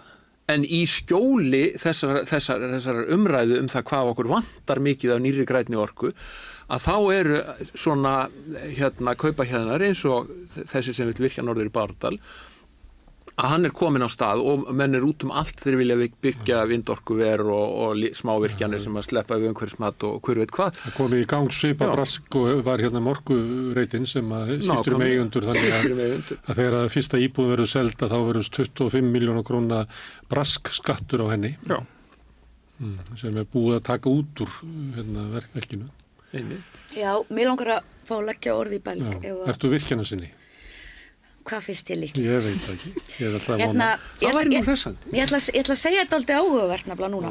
Uh, mér finnst mjög merkilegt, við erum að taka hérna málefni eftir málefni sem mjög mörg okkar hafa skemmtilega skoðanir á og erum að pæla í þessu og hérna við það var að tala um virkjanir að þá fekk ég allt í hennu bara tári augun og það komur ótrúlega mikið óvart ég er hérna yfirleitt ótrúlega skynsum manneskja og ég mm. myndi segja að ég væri svona hérna, skynsumisvera meira heldur en tilfinningavera mm. en þegar kemur á þessu að þá hef ég í alvörunni verið að leggja sko þessu málefni uh, umhverfisvernd fyrir Ísland uh, lið og hef alveg eitt sko árum í það að ég veit ekki hvort að fólk er almennt með þetta um það en ég gekk sérstaklega í vinstri græna og var með þess að í, uh, í frambóði þannig 2007 mm. bjóði keflaug þá og lagði mitt að mörgum í að skipulegja mótmæli gegn Helguvík. Og ég var alveg í mörg ár að pæla ótrúlega mikið í þessu og tók þátt í alls konar umhverfisverndar fundum og slíku. Og síðan bara er vinstri græn eins og ég hérna, flokkur sem ég ekki, hann er ekki lengur til. Mm. hann er ekki til. Og langt síðan ég saði mig úr honum út af því að mér þykir þetta bara alveg rosalega leiðilegt. Og það er þess vegna sem ég fekk tári í augun á hann þegar ég voru að ræði þetta sem er nákvæmlega svo mikil uppgjöf og ég bara finn það að ég er tilfinningaveira þegar það kemur að íslenskri náttúru. Og þetta snýst ekki um orkuskiptið ekki, það snýst nákvæmlega um það að fólk með peninga það sé alltaf komið í hlutverkin sem að velur fyrir restina af okkur. Og þú ert að segja að ungir virkjarnir sinni þetta sé að gera eitthvað að viti, ég vonaði innilega mm. því að ég var einu sinni ungur ekki virkjarnar sinni, þetta er hérna náttúruöndar sinni, alltaf því að mhm. segja. Ég var einu sinni ungur náttúruöndar sinni og umhverfis eh, bara virkilega pæli í því og ég ekkert nefn bara, ég gafst upp, ég gati ekki meir út af því að það er bara nákvæmlega það að maður lemtir í svo ótrúlega miklu mótvindi á Íslandi að því að talandi um að fólk sem að virkilega verður brjálað ef að hérna maður reynir að viðra skoðanu sínar á því að hérna hér sé nú kannski uh, hægt að hérna, stöðva framþróun í virkunum sem að búið er að fara allt og langt í á mörgum stöðum í Európa og það er ekkert óspjallað land eftir og við ættum kannski að hérna, líta á það sem verðmæti sem eru tölvert mikið dýrmættari heldur en bara eitthvað sem býr til peninga eða gerir eitthvað. Mm. Þetta má ekkert segja af því þetta eru tilfinningarök en þetta eru raunveruleg rök líka og þetta er ógæðslega skrítið þú veist, ég er að læra heimsbyggi ég er verulega velgefin, ég veit að það má segja það, maður á ekki alltaf að vera í einhverjum svona hérna, ó ég er stelpa, ég er bara vitlisingur, það er ekkert svoleiðis. Við skildi kalla. ég er með skildi kalla en veist, þarna eigum við bara að horfa á staðrindir við erum hérna með ótrúlega fallegt óspjallað land og það er engin tilhulun að fólk er að koma hingað til þess að reyna að sjá þetta. Þetta er hvergi annars staða til En þetta er hluti af sama fyrirbæri eins og það að auka á misskiptingu og finnast það í lægi. Mm. Vegna þess að þegar að misskiptingin auk- eykst, þá lifir enginn af. Já. Ekki heldur ríka liðið sem allar koma sér fyrir á nýja sjálandi ef allt fer illa. Þau lifa bara ekkert af. Þau eru að búa til eitthvað dystopískan heim þar sem að, að hérna, þau halda að það gangi upp. Þau hafi ekki skinn sem til þess að sjá að það gengur ekki upp. Það bara virkar ekki að búa til þannig minnskiptingu að það sé til hungrað fólk sem um ráðast yfir virkisveikina þeina vegna þess að þau hafa engin önnur úrræði. Það er eins og þau skiljið ekki, þau ná ekki þanga, þau eru stundar gamninu, þau eru bara í ársfjórðums þetta er alveg uppgjörunum. smá maðverkur sko Þetta er það Já. sko og ég held að pólitíkusar sé bara þarna líka vegna þess að pólitík er einmitt leikur sem er líka pínlítið í ársfjórðungs uppgjörum Einmitt. og þar er leiðandi má maður ekkert fara lengur og hugsa hvað ef við eigðum allir í náttúru Íslands gerum þetta bara að ykkur, ég veit í hverju versmiðu eftir versmiðu það er, Svipa og röki sem er við, samvændi við uh, hælisleitutur. Hvað ætlar að gera ef það koma hérna 120 miljónir um hæli? nákvæmlega, einmitt þá bara erum við Þá, þá má nota þessi rök. Já. En ég ætlaði hérna, Mattias og Heiða, hérna, með raunsæð og hérna, horfast í við raunveruleikann. Þið búið í það sem er kallað hérna, markaðsakirvi og það virkar að mörguleiti þannig að sá sem er með peningin, hann ræður hvert samfélagi fer. Ég veit það, og hérna stjórnmálinn það er tárið. Já, fólki sem að bý, hérna, er inn á þingi, það hefur enga trú á því að það er einhvern veginn að, að, að ráða eða þessi líðræðislegt ákvörðun um það hvernig samfélag okkur að þróast, þá að þróast þangað sem að sko peningarnir leið okkur, því að eh, peningar, þeir sem hafa með peningarna hljóta að vera þeir sem hafa mesta vitið á því hvað að gera, hvað er á að virkja, hvort að ég að tappa blóðinu af merónum eða klípa hérna dindilinn af, af svínunum, er ekki með dindil? Rófu held ég. Rófu. Og það er hundur gott. Þannig er það. já, þetta eru hressandi samræðar sem erum auðvitað hérna maður Nei, ég meina, þannig er það. ég veit það Ég sá þarna gott myndband um daginn hana, og það var verið að tala um svona aktivisma og þreitu og hérna þetta voru svona góð skilabóð til aktivista að þeir eru upplifi bara að þetta sé ekki að virka, bara af hverju stendi í þessu og ekki bara hætti þessu, þú veist það sem að aktivista sé að gera, skilingum árangri, af hverju í óskopunum með maður að leggja allt þetta á sig í baráttunni, að þá einhvern veginn, þú veist, var maðurinn sem var með þetta myndband að segja bara eitthvað, jú, þú veist, ekki gefast upp því það er það sem að valdið uh, bara þráir, að þið bara segja bara vá, það breytir einhver þó ég sé eitthvað svona uh, hérna að mótmæla því sem er að gerast sem Ísrael er að gerast eða sniðganga eða eitthvað, en þú veist um leið og emmitt hættir, þá ertu bara alveg hættur. Þannig að em, um að gera halda áfram. Eins og við sjáum kannski árangurinn þarna með sniðgöngu og rapid og allt það, það er nú eitthvað sem er hægt að allavega svona hugsa að, að sé að einhverju leiti að hafa áhrif, myndi ég segja það var smá útfyrir en bara því vorum þannig svona bara einmitt. Takk, þú komst með eitthvað jákvæmt allavega sem við getum að fara í. Af því mér finnst einhvern veginn hérna íslensk náttúra er að tapa á hverjum degi sko. það er nefnilega dólt sorglegt Það sko. virkar þetta heiða að hérna, ekki hætta vegna að myndi gleðja hérna, ríka vandakallin. það sem hún var að segja virkar persónulega mjög vel á mig. Okay. þannig að hérna, ég ætla bara að segja takk. Stundur þarf að láta minna að sjá það bara líka.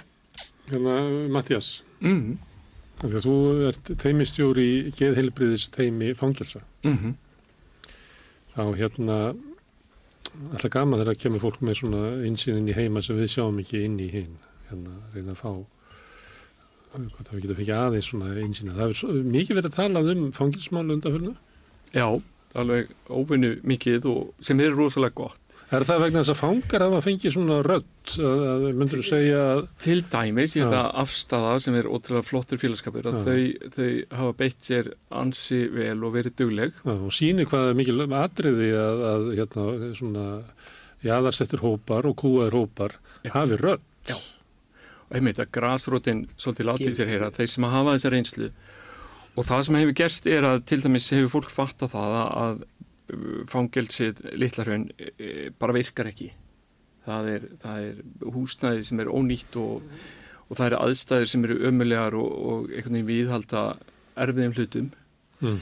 og, uh, og það hefur hlotið heilmikla umræðu og svo hefum við verið að berjast fyrir bara málefnum einstaklinga sem að eru með geðvanda Mm. eru með kannski mjög flókna sögu, uppeldi sögu og, og ég veit ekki hvort þið kannist við ACE listan, þetta er svona hérna advers sem sagt uh, aðstæður eða, eða erfiðar aðstæður, uppbyldis aðstæður sem að í rauninni gera það verkum að, einstaklingar koma mjög laskaðir út í samfélagið eða Mm. lífsbaróttuna Mm. og hérna uh, og við vitum að því að það er, eru stóru hópar uh, með mjög laskaðan bakgrunn sem eru í fangilsum þar að leiðandi er bara sársöka og þólimæðis tolerans eða, eða geta til þess að, að hérna láta svona þóla hluti er bara minni Mm.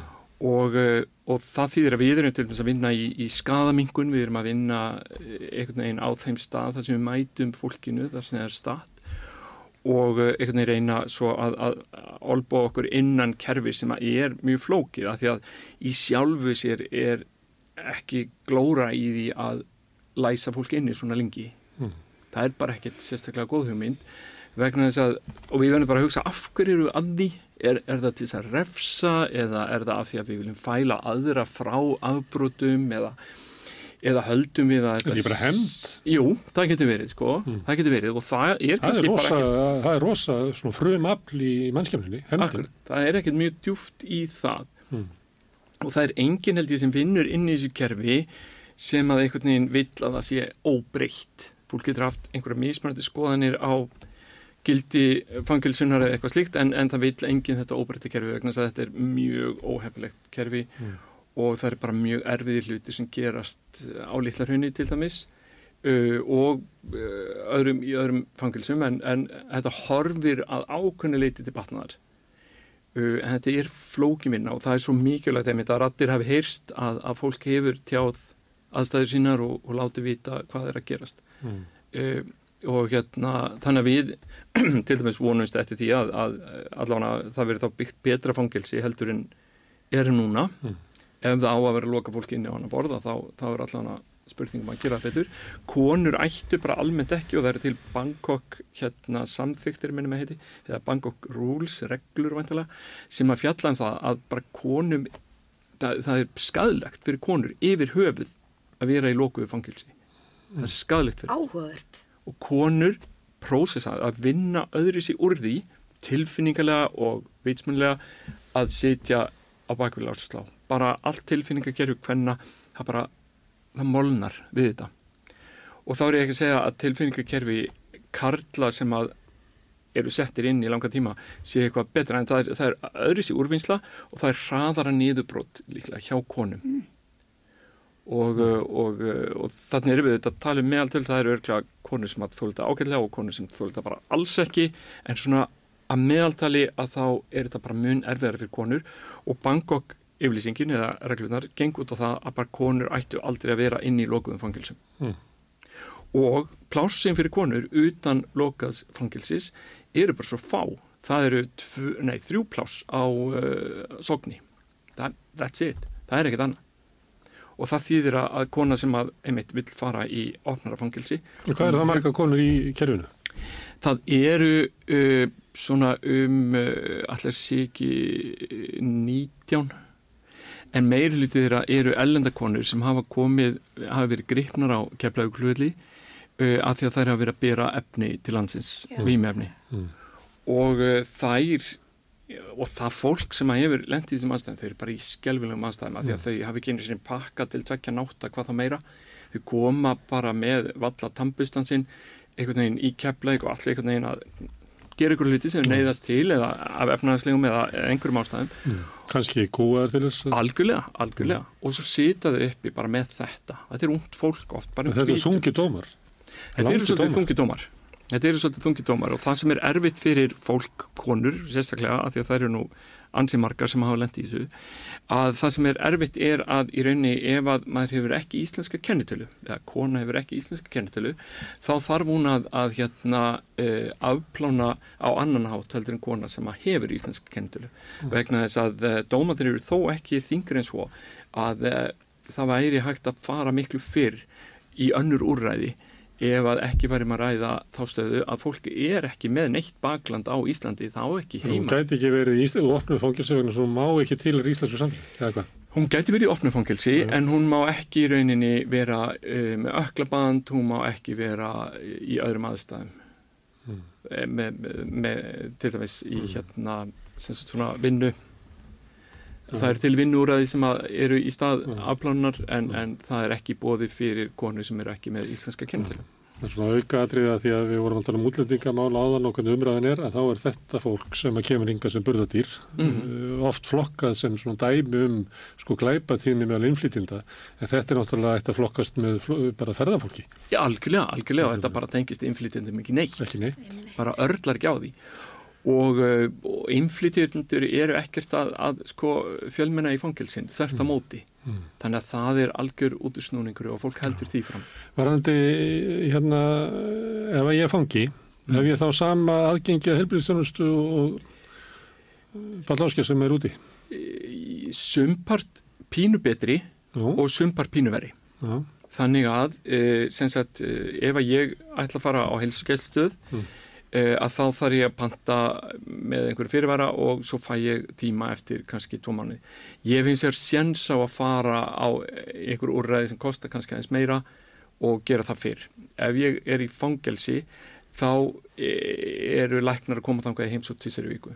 Mm. Þannig að það eru meiri líkur á því að ég fái helbriðsjónustu hvað þetta varðar Mm. heldur en ef ég væri ekki í fangelsi. Mm. Hins vegar er hinliðin að því að ef að ég þyrfti að leggjast inn á geðdild þá lokast einnar antirræsilega Mm. af því að það er bara áhættu matið er þannig að þegar fólk er að koma úr fangelsi þá veginn sé, er það metið þannig að áhættan sem meiri og það er hugsað þannig að eða hefur verið svo hugsuna að, að fangelsi séu ágæti geimslistæðir uh, en það er bara uh, að það að bera saman uh, geðdild og fangelsi þetta er bara ótrúlega ólíkt mm. Uh, fangar eru inni á uh, deildum eða göngum fangilsins með öðrum föngum og það er ekkert mikið að starfsfólki sem að kemur inn á, á deildirnar og, og sinnir þeim. Þannig að uh, í rauninni eru þau afskipt á meðan á geðdildinni þá er fólk til staðar, samtölegus í stað, ástandi, róað, taugakerfið fyrir aðeins í annan snúning og þetta er bara ótrúlega munið. Það er mjög tryggarandi fyrir fólk að fara í fangelsi Mm. Og það eigur á geðrósenginni, það eigur á sjálfsísæti, það eigur á Mm. alls konar hluti. Eins og það er þess að fara á geðdild getur líka haft sko. Það er áhrifin að því að vera lokaður inn á geðdild til dæmis. Já, því að ég vann nú hann þegar ég var ungum einmitt. Þá skynjaði með að það var kannski 90% af vanda fólksins var að vera lokaður að inni. Já, en, en miðað við fangilsi, Já. bara ótrúlega mikið betra. Ótrúlega mikið betra, þannig að, já, einmitt. Það er stundu sagt að hérna það má meta hvernig samfélag er með því að skoða hvernig það fer með fangana sína. Já, og við erum, Erum við þá svona lala uh, samfélag? já, verbúðin hefur ekki séð tilgangi þessu. Nei.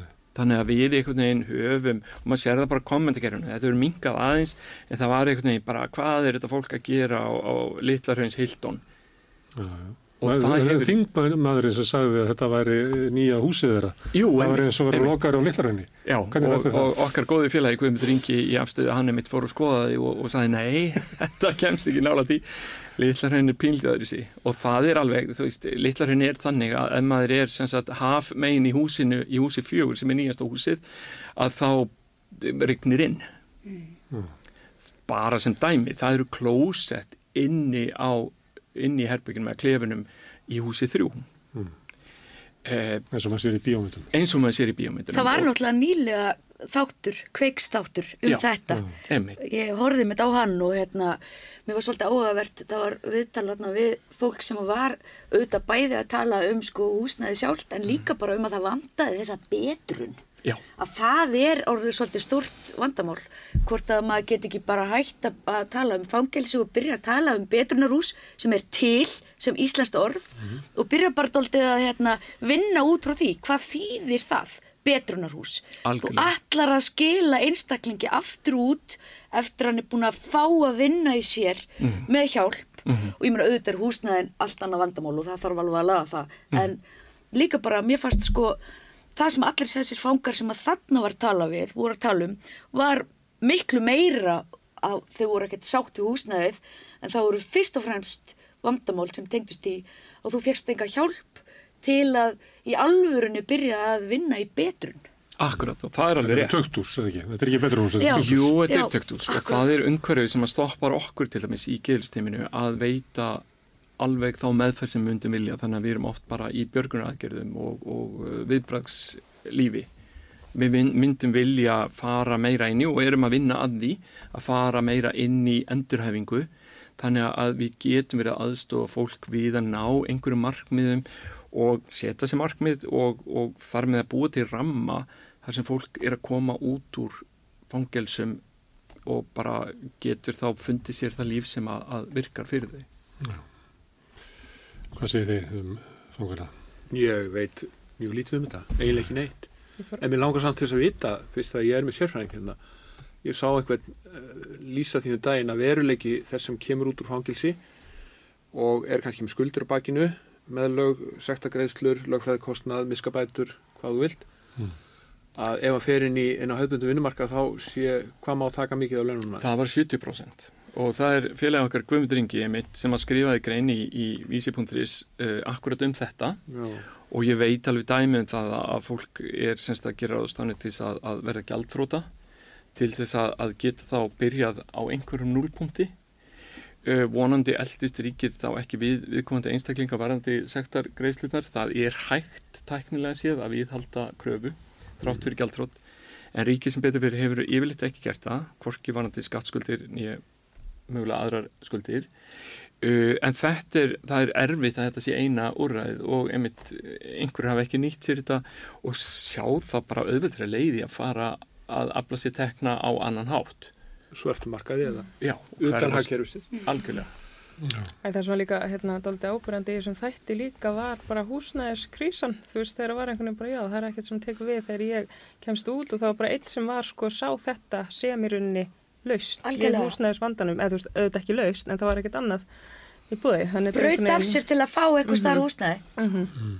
Já, það var einn góður drengur sem að koma inn einmitt rétt fyrir jól uh, inn á hólpsiði og hérna að komast í hlíuna, brauta hans af sér, var að koma aftur og svo bara var hann of langt gengin þannig að hann dó rétt fyrir jól og hérna úr bólgum eftir neyslu og, uh, og það er bara þessi grimmi veruleiki, það er bara þessi sári, erfiði grimmi veruleiki að einmitt, að þegar fólk fer út að þá hafa það ekki húsnæði, þau hafa ekki úrræði, það er ekkit frátikið þannig að það sé hægt allavega einmitt að byggja fólku upp og, og búa því aðstæður þar sem þau geta allavega verið undir, undir þakki og margir fara út úr fangilsum vitandi eru að fara beint á götuna. Það er alveg rosalegt. Það er ofsalega rátt.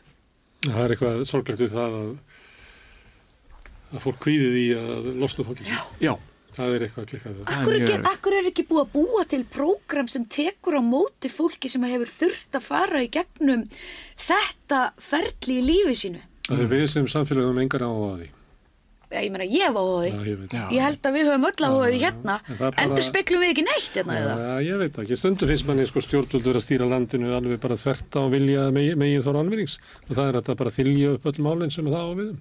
En maður getur líka bara farið í hagfræðisokkana og sagt, þú veist, borgar þetta sig að, að setja fólk á göttuna með tilhýrandi vanda, eh, tilhýrandi þá afbrótum innan gæðsarapa, sem tilhýrandi hegðun sem að trublar aðra, uh, fólk er að afla sér matar, að fólk þarf jú kannski efni að þau eru í, í neyslu og, og það er bara flóki líf, það er flóki líf, líf að lifa í svona litlum ring þar sem maður vaknar upp á mótnana og maður verður að fá sér efni til þess að taka kuldan úr kroppnum og uh, ef maður hefur sofið úti eða í einhverjum stegagangi og síðan uh, einhvern veginn bara líka til þess að taka frákvarsinkinni í burtu og svo þarf maður kannski að fá einhverja næringu og þá er þannig maður að stela henni og svo framvegist þannig að stundum gerist það með að fólk fyrir inn bara fyrir svona sapn af litlum brotum og þetta er augljóslega brot bara þannig að fólk er að berga sér.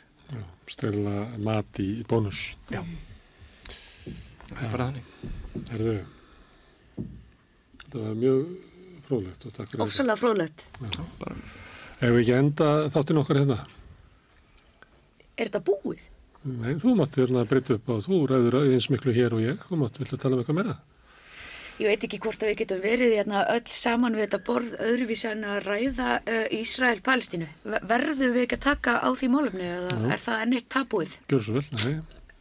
Þú Það eru, það eru svona, uh, hvað eru, fjóri mánuðir síðan að það ástand hefur varað núna, eða þessu sinni.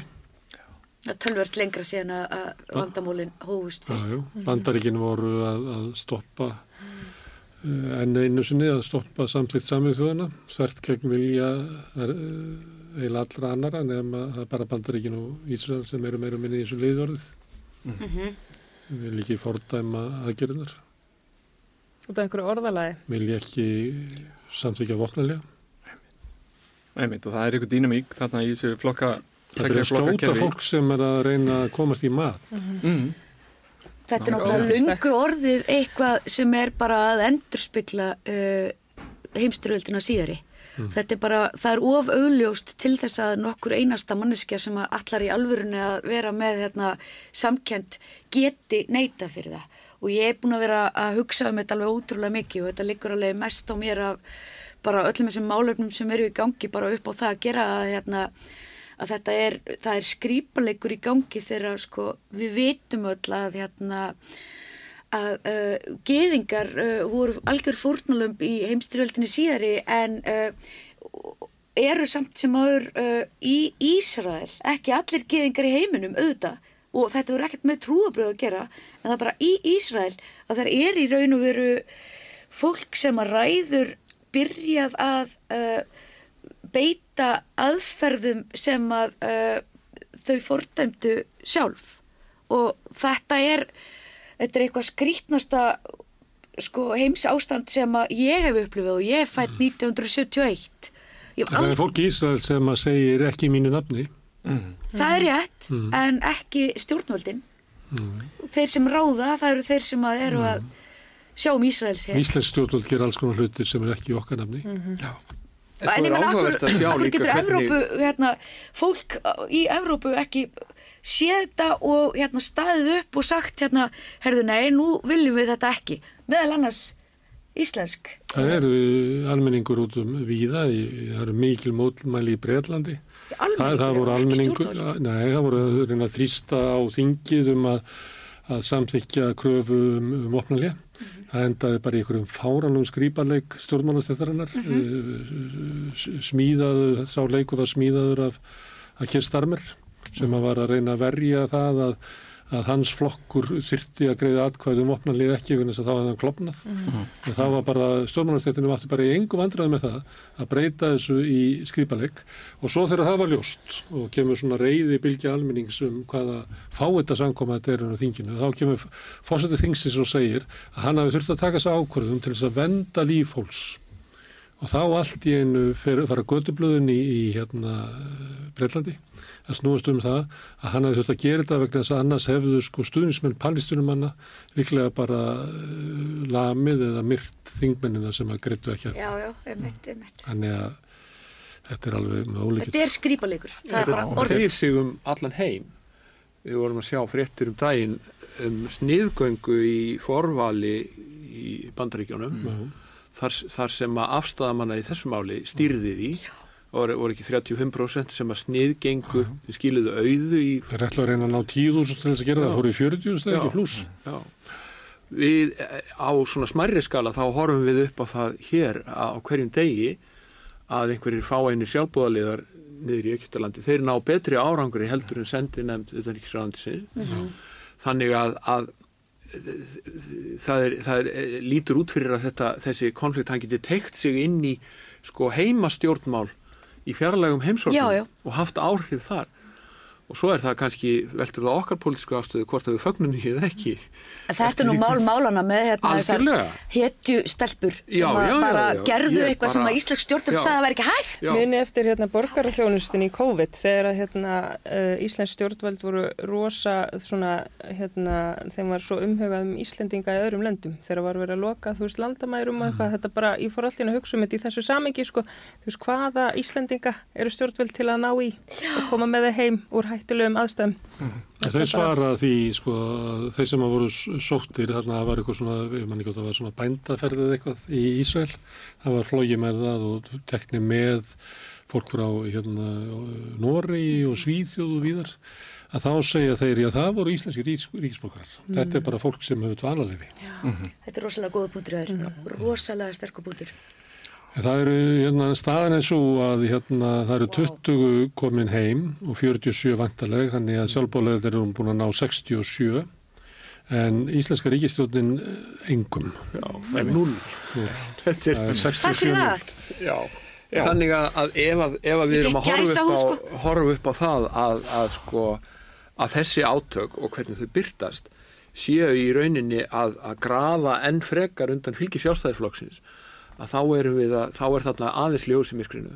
Það er ein, eitthvað eitt lítið jákvætt. Lítil týra. Já, lítil týra.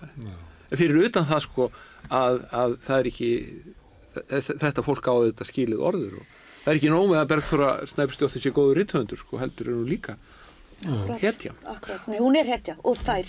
Ég sá að Guðni bauð hérna fólki frá Palestínu á Bessastæði sem er svona statement hvað hann stendur í Gott hjá máli. honum. Hann er líka töff. Það er engin hérna, fórseta frambjóðandi sem komin er sem kemst nálagt guðuna því miður. Nei, Persónulega finnst mér það allavega. já. Ég get búið upp á það ef þið vilja ræða fórsta frambóð, ekkur sem hefur skorað á eitthvað ekkur. Nei, ég er svo heppin að það verður nú vonandi aldrei ekki Þú, og þú ert enga svo Er það ekki, er það ekki Það er ekki að neinum.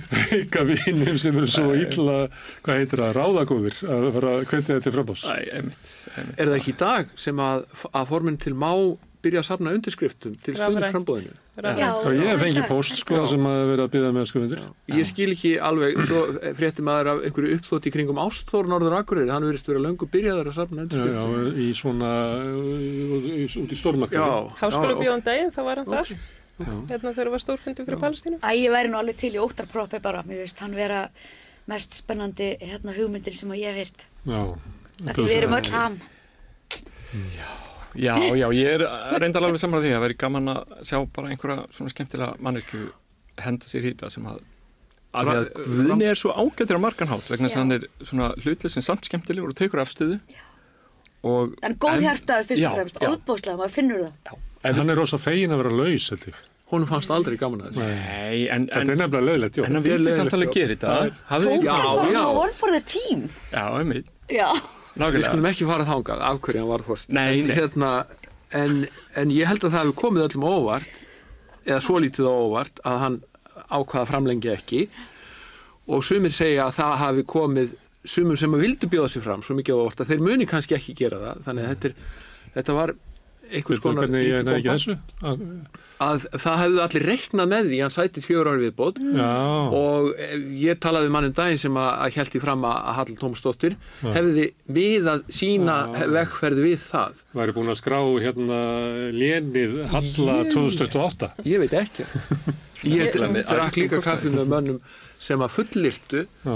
að hérna þráttur ákomi mótmæli mín að Katrín hérna Jakobsdóttir myndi e, síðasta dag aprilmánuðar þegar frambóðsfrestur rennur út þá myndi hún tilkynna frambóðsi En hvert er hlutverk fórseta? Ég er rosa mikið búin að hugsa bara, þú veist, hefur fórsetin, þú veist, hvað vald hefur hann upp á svona sínileika, þú veist, eins og emmitt hverjum hann býr í mat eða í heimsókn, það er er einhver frá Palestínu, þú veist, þá ertu, það er svona statement, Einmitt. en þú veist, hvað, hvert er svona, Hann hefur áhrifavald, Hann hefur svona sess, sem að, þeir sem að, hann hefur rödd. Hver gerir það með sínu nefi, einhvern veginn. Uh, Vigdís lagði áherslu á sín mál og Ólaf Ragnar á sín og Guðin á sín og hann getur, hérna, Ólaf Ragnar síndi fram á það að hann getur skotið málum í þjóðræðkvæðgreiflu. það er er það er kannski eina raunverulega valdi sem hann hefur Ég held að þetta sé ekkit undir lengur, sko, bara Ólaf. Ragnar bara opnaði þetta. já, Já, já. mögulega. Já, Ég ég held að það sé bara farið sko. Já. að bara, ef einhverju vil nota það, þá er það bara þar já. En, uh, En átt ekki að vera sammenningatákn, er það ekki nummer eitt, Það er númer eitt. lýsing? jú, sko, þetta er En náttúrulega þjóð? þetta er bara allir frá danska konungdæminu. Það er, það Það er, er það er um skautun í samfélaginu. það sem brínast Er- þegar fórstin geri eh, er að, að, að kissa börn og knúsa gamalmenni. Allir sem verða 100 ára á Íslandi þeir fá sérstakt ammæliskort frá fórsta Íslands. Já, og, og skrifstofan leggur mjög ríka áherslu á að, að, að þetta það gangi hérna, snurðlöst fyrir sig og, og, hérna. og þetta er mjög mikilvægt. Þetta er fórstin að koma heim til þín ef þú verður 100 ára og taka í hendina þér. Mm. og þetta er mikilvæga hlutverkið. Við viljum held ég ég held að íslenskur almenningur vil svona fórseta, hann vill ekki fórseta sem að allar að er með eitthvað, e- e- eitthvað erindi ekki annan eitthvað mála lista vegna. af, af, hérna, af málum sem hann ætlar alls ekki að skrifa undir og og gera. uh, norðurslóðir og Já. eh, ekki það. Nei, ég held að við viljum það ekki Nei, ég held að, og kannski einmitt það að við höfum einhvern veginn sjálfnast kosið virkan pólitíkus nema Óla Ragnar Já. að það held ég bendi til þess að, að svona þjóðasálinn, já, sé einhvern veginn hrina þessu og við erum mörg okkar allan að æla hrifin af Daisy og núna sín hennar sem hefur tekið við en þetta er samt einhver svona hilling á gamlu Já, einhvern Þetta er kongur. Þetta er kongur er og kóngur. er að gera sömu hluti hefur sömu, svona, sömu valdheimildir miða við þessa stjórnaskrá sem að við tókum þetta í arf.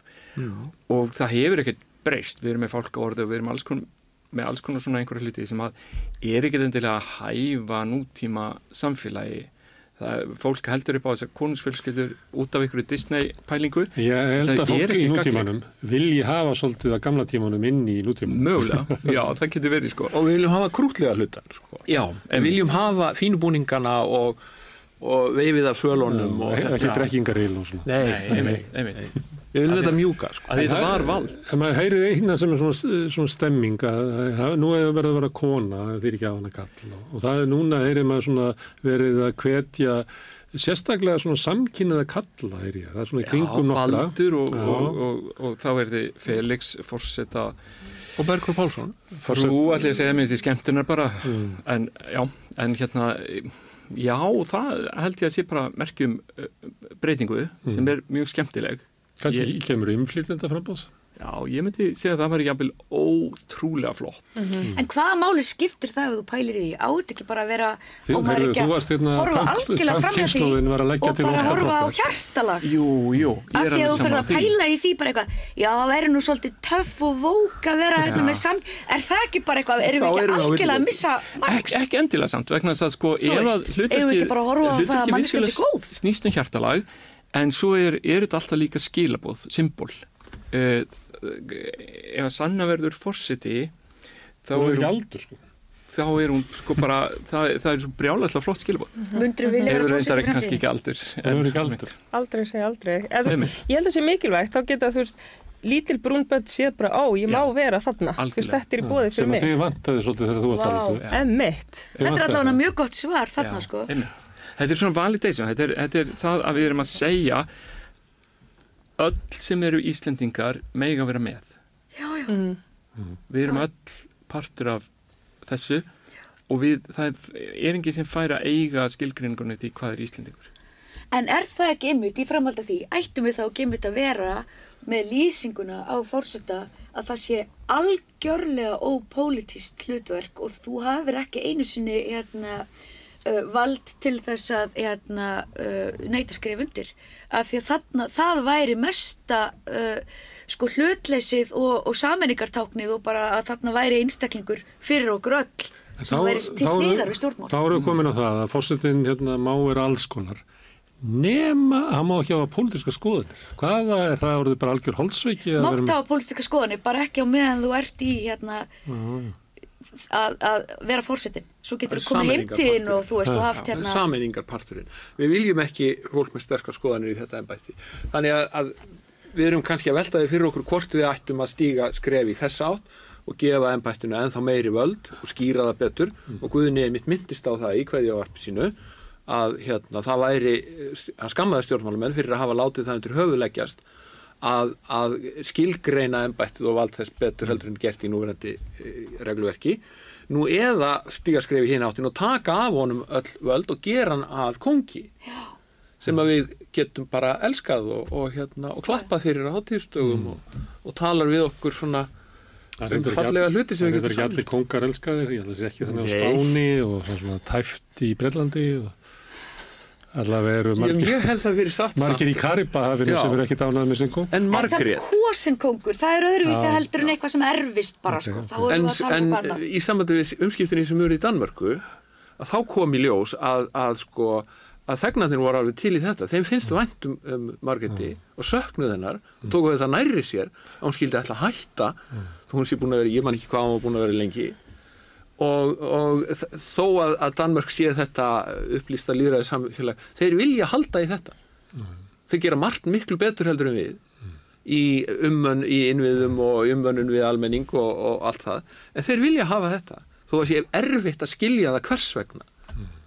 Það er einhver sjarmi við Það það er og, og einmitt, hafandi búið í Danmörku allan að tvísar að þá, þá skilji það svona upp að vissu marki það er bara symbolíkin, einmitt talandi um það við konungdæmi almennt sem að mér finnst ekki viðhengandi vegna þess að hún segir það að við erum að heilla fyrirbæri sem að kúað okkur sem manneskur við segjum bara já, við ætlum að heilla þetta af, út af einhverjum Disney draum e, fortíðar þrá eða eitthvað en þá erum við að hylla kannski ranga hluti. Hyllum uh, bændakonuna sem að, að hérna bara einhvern veginn stóð keik í sínu verkefnum og, og hérna og rúlaði upp alls konar málum. Hyllum verkakonuna sem að fekk ekki einu svona þetta badni sitt á vöggustofu að því að þingmenn íhaldsins uh, töluðu gegn því fjálglega á alþingi. Þú veist, hyllum eitthvað fólk sem að þá skipti máli en ekki gamalt kerfi, jafnvel, þú veist, finnst Anna prinsessa æðisleg og mér finnst núverandi drottning í, í Breitlandi alveg frábær, ég er svona tím Camilla allan daginn, en það er bara því mér finnst það skemmtilegt, það er ekki að því að mér finnst stopnunin góð. Þetta er entertainment. Já, stopnunin er ekki góð. Hún er vond af því hún er stopnuð á þann hátt. Og þetta er ekkit persónlegt. Þetta er alveg svo með Ísrael-Palestínu. Ég hérna, minnst geðinga bara frábært fólk og bara miklu vini mínir. Þetta bara snýst ekki um það. Það er verið að drepa fólk í miklu mæli. Það er og það er einhvern veginn verið að að búa til polariseringu sem er alveg hræðileg og þá kemur stundum upp geðingahattur og það er bara, við þurfum að passa að það gerist ekki en það má ekki koma palestínuhattur Einmitt. það er bara einhvern veginn svolítið máli þannig að, og þess vegna til dæmis Það má heldur ekki koma Ísraelsatur. Það er nefnilega ótrúlega góð Þarna verðum við nefnilega að hafa á hreinu að það er ekki verið að ræða um að Ísrael eigi rétt á sér eða Palestina eigi rétt á sér. Við erum að tala um að það er uh, herskátt fólk sem að, réttlætir ofbeldi og sársöka og það á aldrei rétt á sér. og það hræðir íbúa í Ísrael alveg eins og það hræðir aðra Já. og það eru populistar Netanyahu er bara toppnum hann nýti sér smáflokka ástandið í, í Knesset eða semst þinginu í Ísrael til þess að- að spila þessa leiki og hann er alveg sama hvað margir palestin menn deyja. Já. Honum Við erum með tvo sama. brjálaðinga í heiminu, við erum með Putin og Netanyahu á sama tíma Það er nú Trump sem eru báðir sko. Það margir- Trump er náttúrulega ekki viðvöld akkurat núna, hann er á það. leiðinni. Hann er á er leiðinni Herðu, heiða, eigum við að slá í boltin í þetta eða viltu tala um Eurovision eða Já, hver, mér- hver verður biskup? Ég er að boykota, ég er þú alveg ekki, þá það. við tólum ekki Eurovision Mér finnst bara, ættum við nokkuð að vera eða orðum í það vegna þess að mér finnst þetta, já, í rosalegum erfileikum með að ég náttúrulega er frílanser, er ekki fastráðin í rúf. Nei. Ég hef ekki hugmynd um það. Þetta verður reikin með að vera að segja þetta Uh, ég ætla bara að segja að, hérna, að, að þar sem að ég er verktaki að þá lít ég mig að hafa þessu og mér þykir alveg rosalega leiðilegt að uh, rúf uh, stjórnvöld eða þeir sem að ráða hafi ekki tekið uh, skýrari afstöðu gegn vegna þess að mér finnst í raun og veru eins og staðan núna sé þannig að eftir 50 ár að þó verði í alvörunni farið í saumana á því hverjir stóðu ekki upp og varstu? um leið, nákvæmlega. Bara ég er alveg með mína afstöðu til uh, þessa stríðs uh, skýra og af þessari ástæðu finnst mér ekki að Ísland í að taka þátt í Eurovision á meðan Ísrael fær að gera það. Já, Sanna, Samála. mjög skýrt. Haldi ekki með neinum? Nei, ég á mjög erfitt með þetta persónulega af því að ég vil helst ekki fara þarna en í þessu tilfelli þá held ég að það sé bara svolítið málið að þarna ætti Ísrael ekki að taka þátt. Þetta er bara ofóðalegt og líka það að maður sér það til þess að menningbjónlar á þeirra Ísraels hefur líst því yfir að, að uh, textin í, í læginu sem að Ísrael er að setja inn í keppnina eigi bara rétt á sér af því að og svo kemur eitthvað bara eitthvað þaður og það að þau sé að nota þetta sem pólitískan vettvang eða, eða sápukassa til þess að vera að belga sig, það er bara eitthvað ótrúlega rámt við það. Jó, Herðu, Páll Óskir Eurovision, Úr, ég er bara ég, ekki, ég, ég sniðgeng þessu Já. ég bara hef ekki áhugað þessu Ekki þetta ár frekar. Nei, en- nei, önnur ég reyni að- ég er sem sagt Þetta er svona, kannastu við samkvæmsleiki sem gengur út af að reyna að komast, na, komast inn á aðfangadag á þess að hafa heyrt tiltekki jólalag Já. til Last Christmas. Ég hef mjög góðum árangur undanfærin ár reynt að eru vísu ekki minn einum árangri að vita hvort ég get hérna, uh, látið þetta fara algjörlega fram hjá mér en Rúf hefur séð til þess að það er ekki alveg hægt er Sko, ég fyrir það elska, síðar druknar maður ég elska. Eurovision og ég elska líka þungarokk. Það er Já, nefnilega, og ég elska líka Hvaða ból ert í? Þetta er hérna Saxon, þetta er bara Hvað er eitthvað gamalt, eh, gamalt brest þungarosband sem er töff. Voru þið góðir? Eru, Og eru góðir? mjög góðir.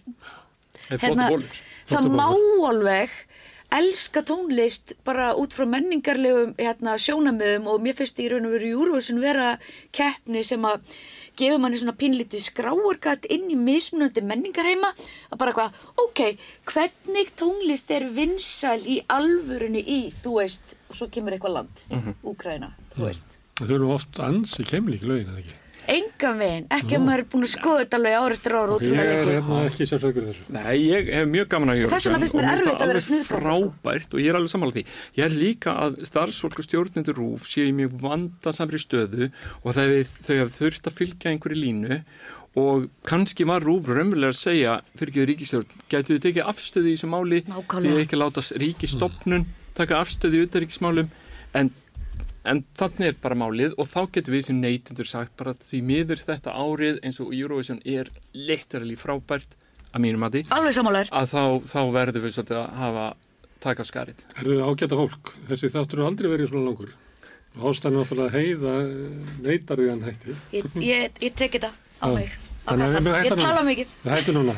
Nei, þetta var búin mjög gaman. En ég ætla að þakka ykkur fyrir. Uh, Mattias, Páll Áskir, Heiða og Sanna. Kærlega fyrir Takk sem leiðis. komin. Takk. Og hlustendum og áhörundum þakka ég kærlega fyrir að staldra hérna við og hlusta á okkur, fara yfir frétti vikunar og bara samfélagið og bara alls konar hluti sem að voru á dagskrá hér í kvöld, langur matseðil. Ég minn ykkur á að, að þið geti hjálpa okkur við að byggja upp samstöðuna með að benda vinnum og vandamönnum á uh, að það má finna efnið okkar á Facebook, á YouTube, uh, öllum hlaðafarsveitum, við erum í útvarpinu, 89,1 á uh, stór höfuborgarsvæðinu, uh, sendingar nást upp á Snæfellsnes og lont upp í Borgafjörðu upp á Littlu kaffestofu út á Reykjanes tá. En það má líka hlusta á útvarpið í gennum spilaran, hann er bæði á netinu, spilari.is og svo er spilaran líka app sem hún hlaða niður á síman og hlusta á samstöðinu og allar íslenskar útastöður hvað sem er í heiminum eða það sem er netsamband. Við erum líka í sjónvarpinu hjá þeim sem að fá sjónvarpið sitt frá fjarskiptafyrirtækinu Síminn vonandi mun önnur fjarskiptafyrirtæki bjóða sínum viðskiptavinnum upp á efni frá samstöðinni en við erum nú með fimm á fjárstyrringunni hjá ykkur sem eru með síman. Herðu, eh, þið getið verið virkar í þáttaköldur með því að gerast ásköfundur, það kostar bara 2500 krónur sem að mér er sagt að sé látt verð fyrir það efni sem við búum til hérna. Þið sem að viljið geta borga meira og þið sem að kjósið geta láta ásköldin að renna sér félagsgjöldin í alþjóðfélagi og það er alþjóðfélagi sem á og rekur samstöðina hvet ykkur til þess að, að slást í hópin því allt sem þið sjáuð og heyri hér er í bóði áskrifanda og við þakkum þið kjallaða fyrir og ég segi góða helgi og vega aðtegli á helgadagskonum sem er framöndan það er helgispjall í fyrramálið og úrval vikunar og svo kemur á sunnundaginn í hátteginu þá þjóðmála þátturinn sinni reyils og við sjáumst þá. Takk kjalla.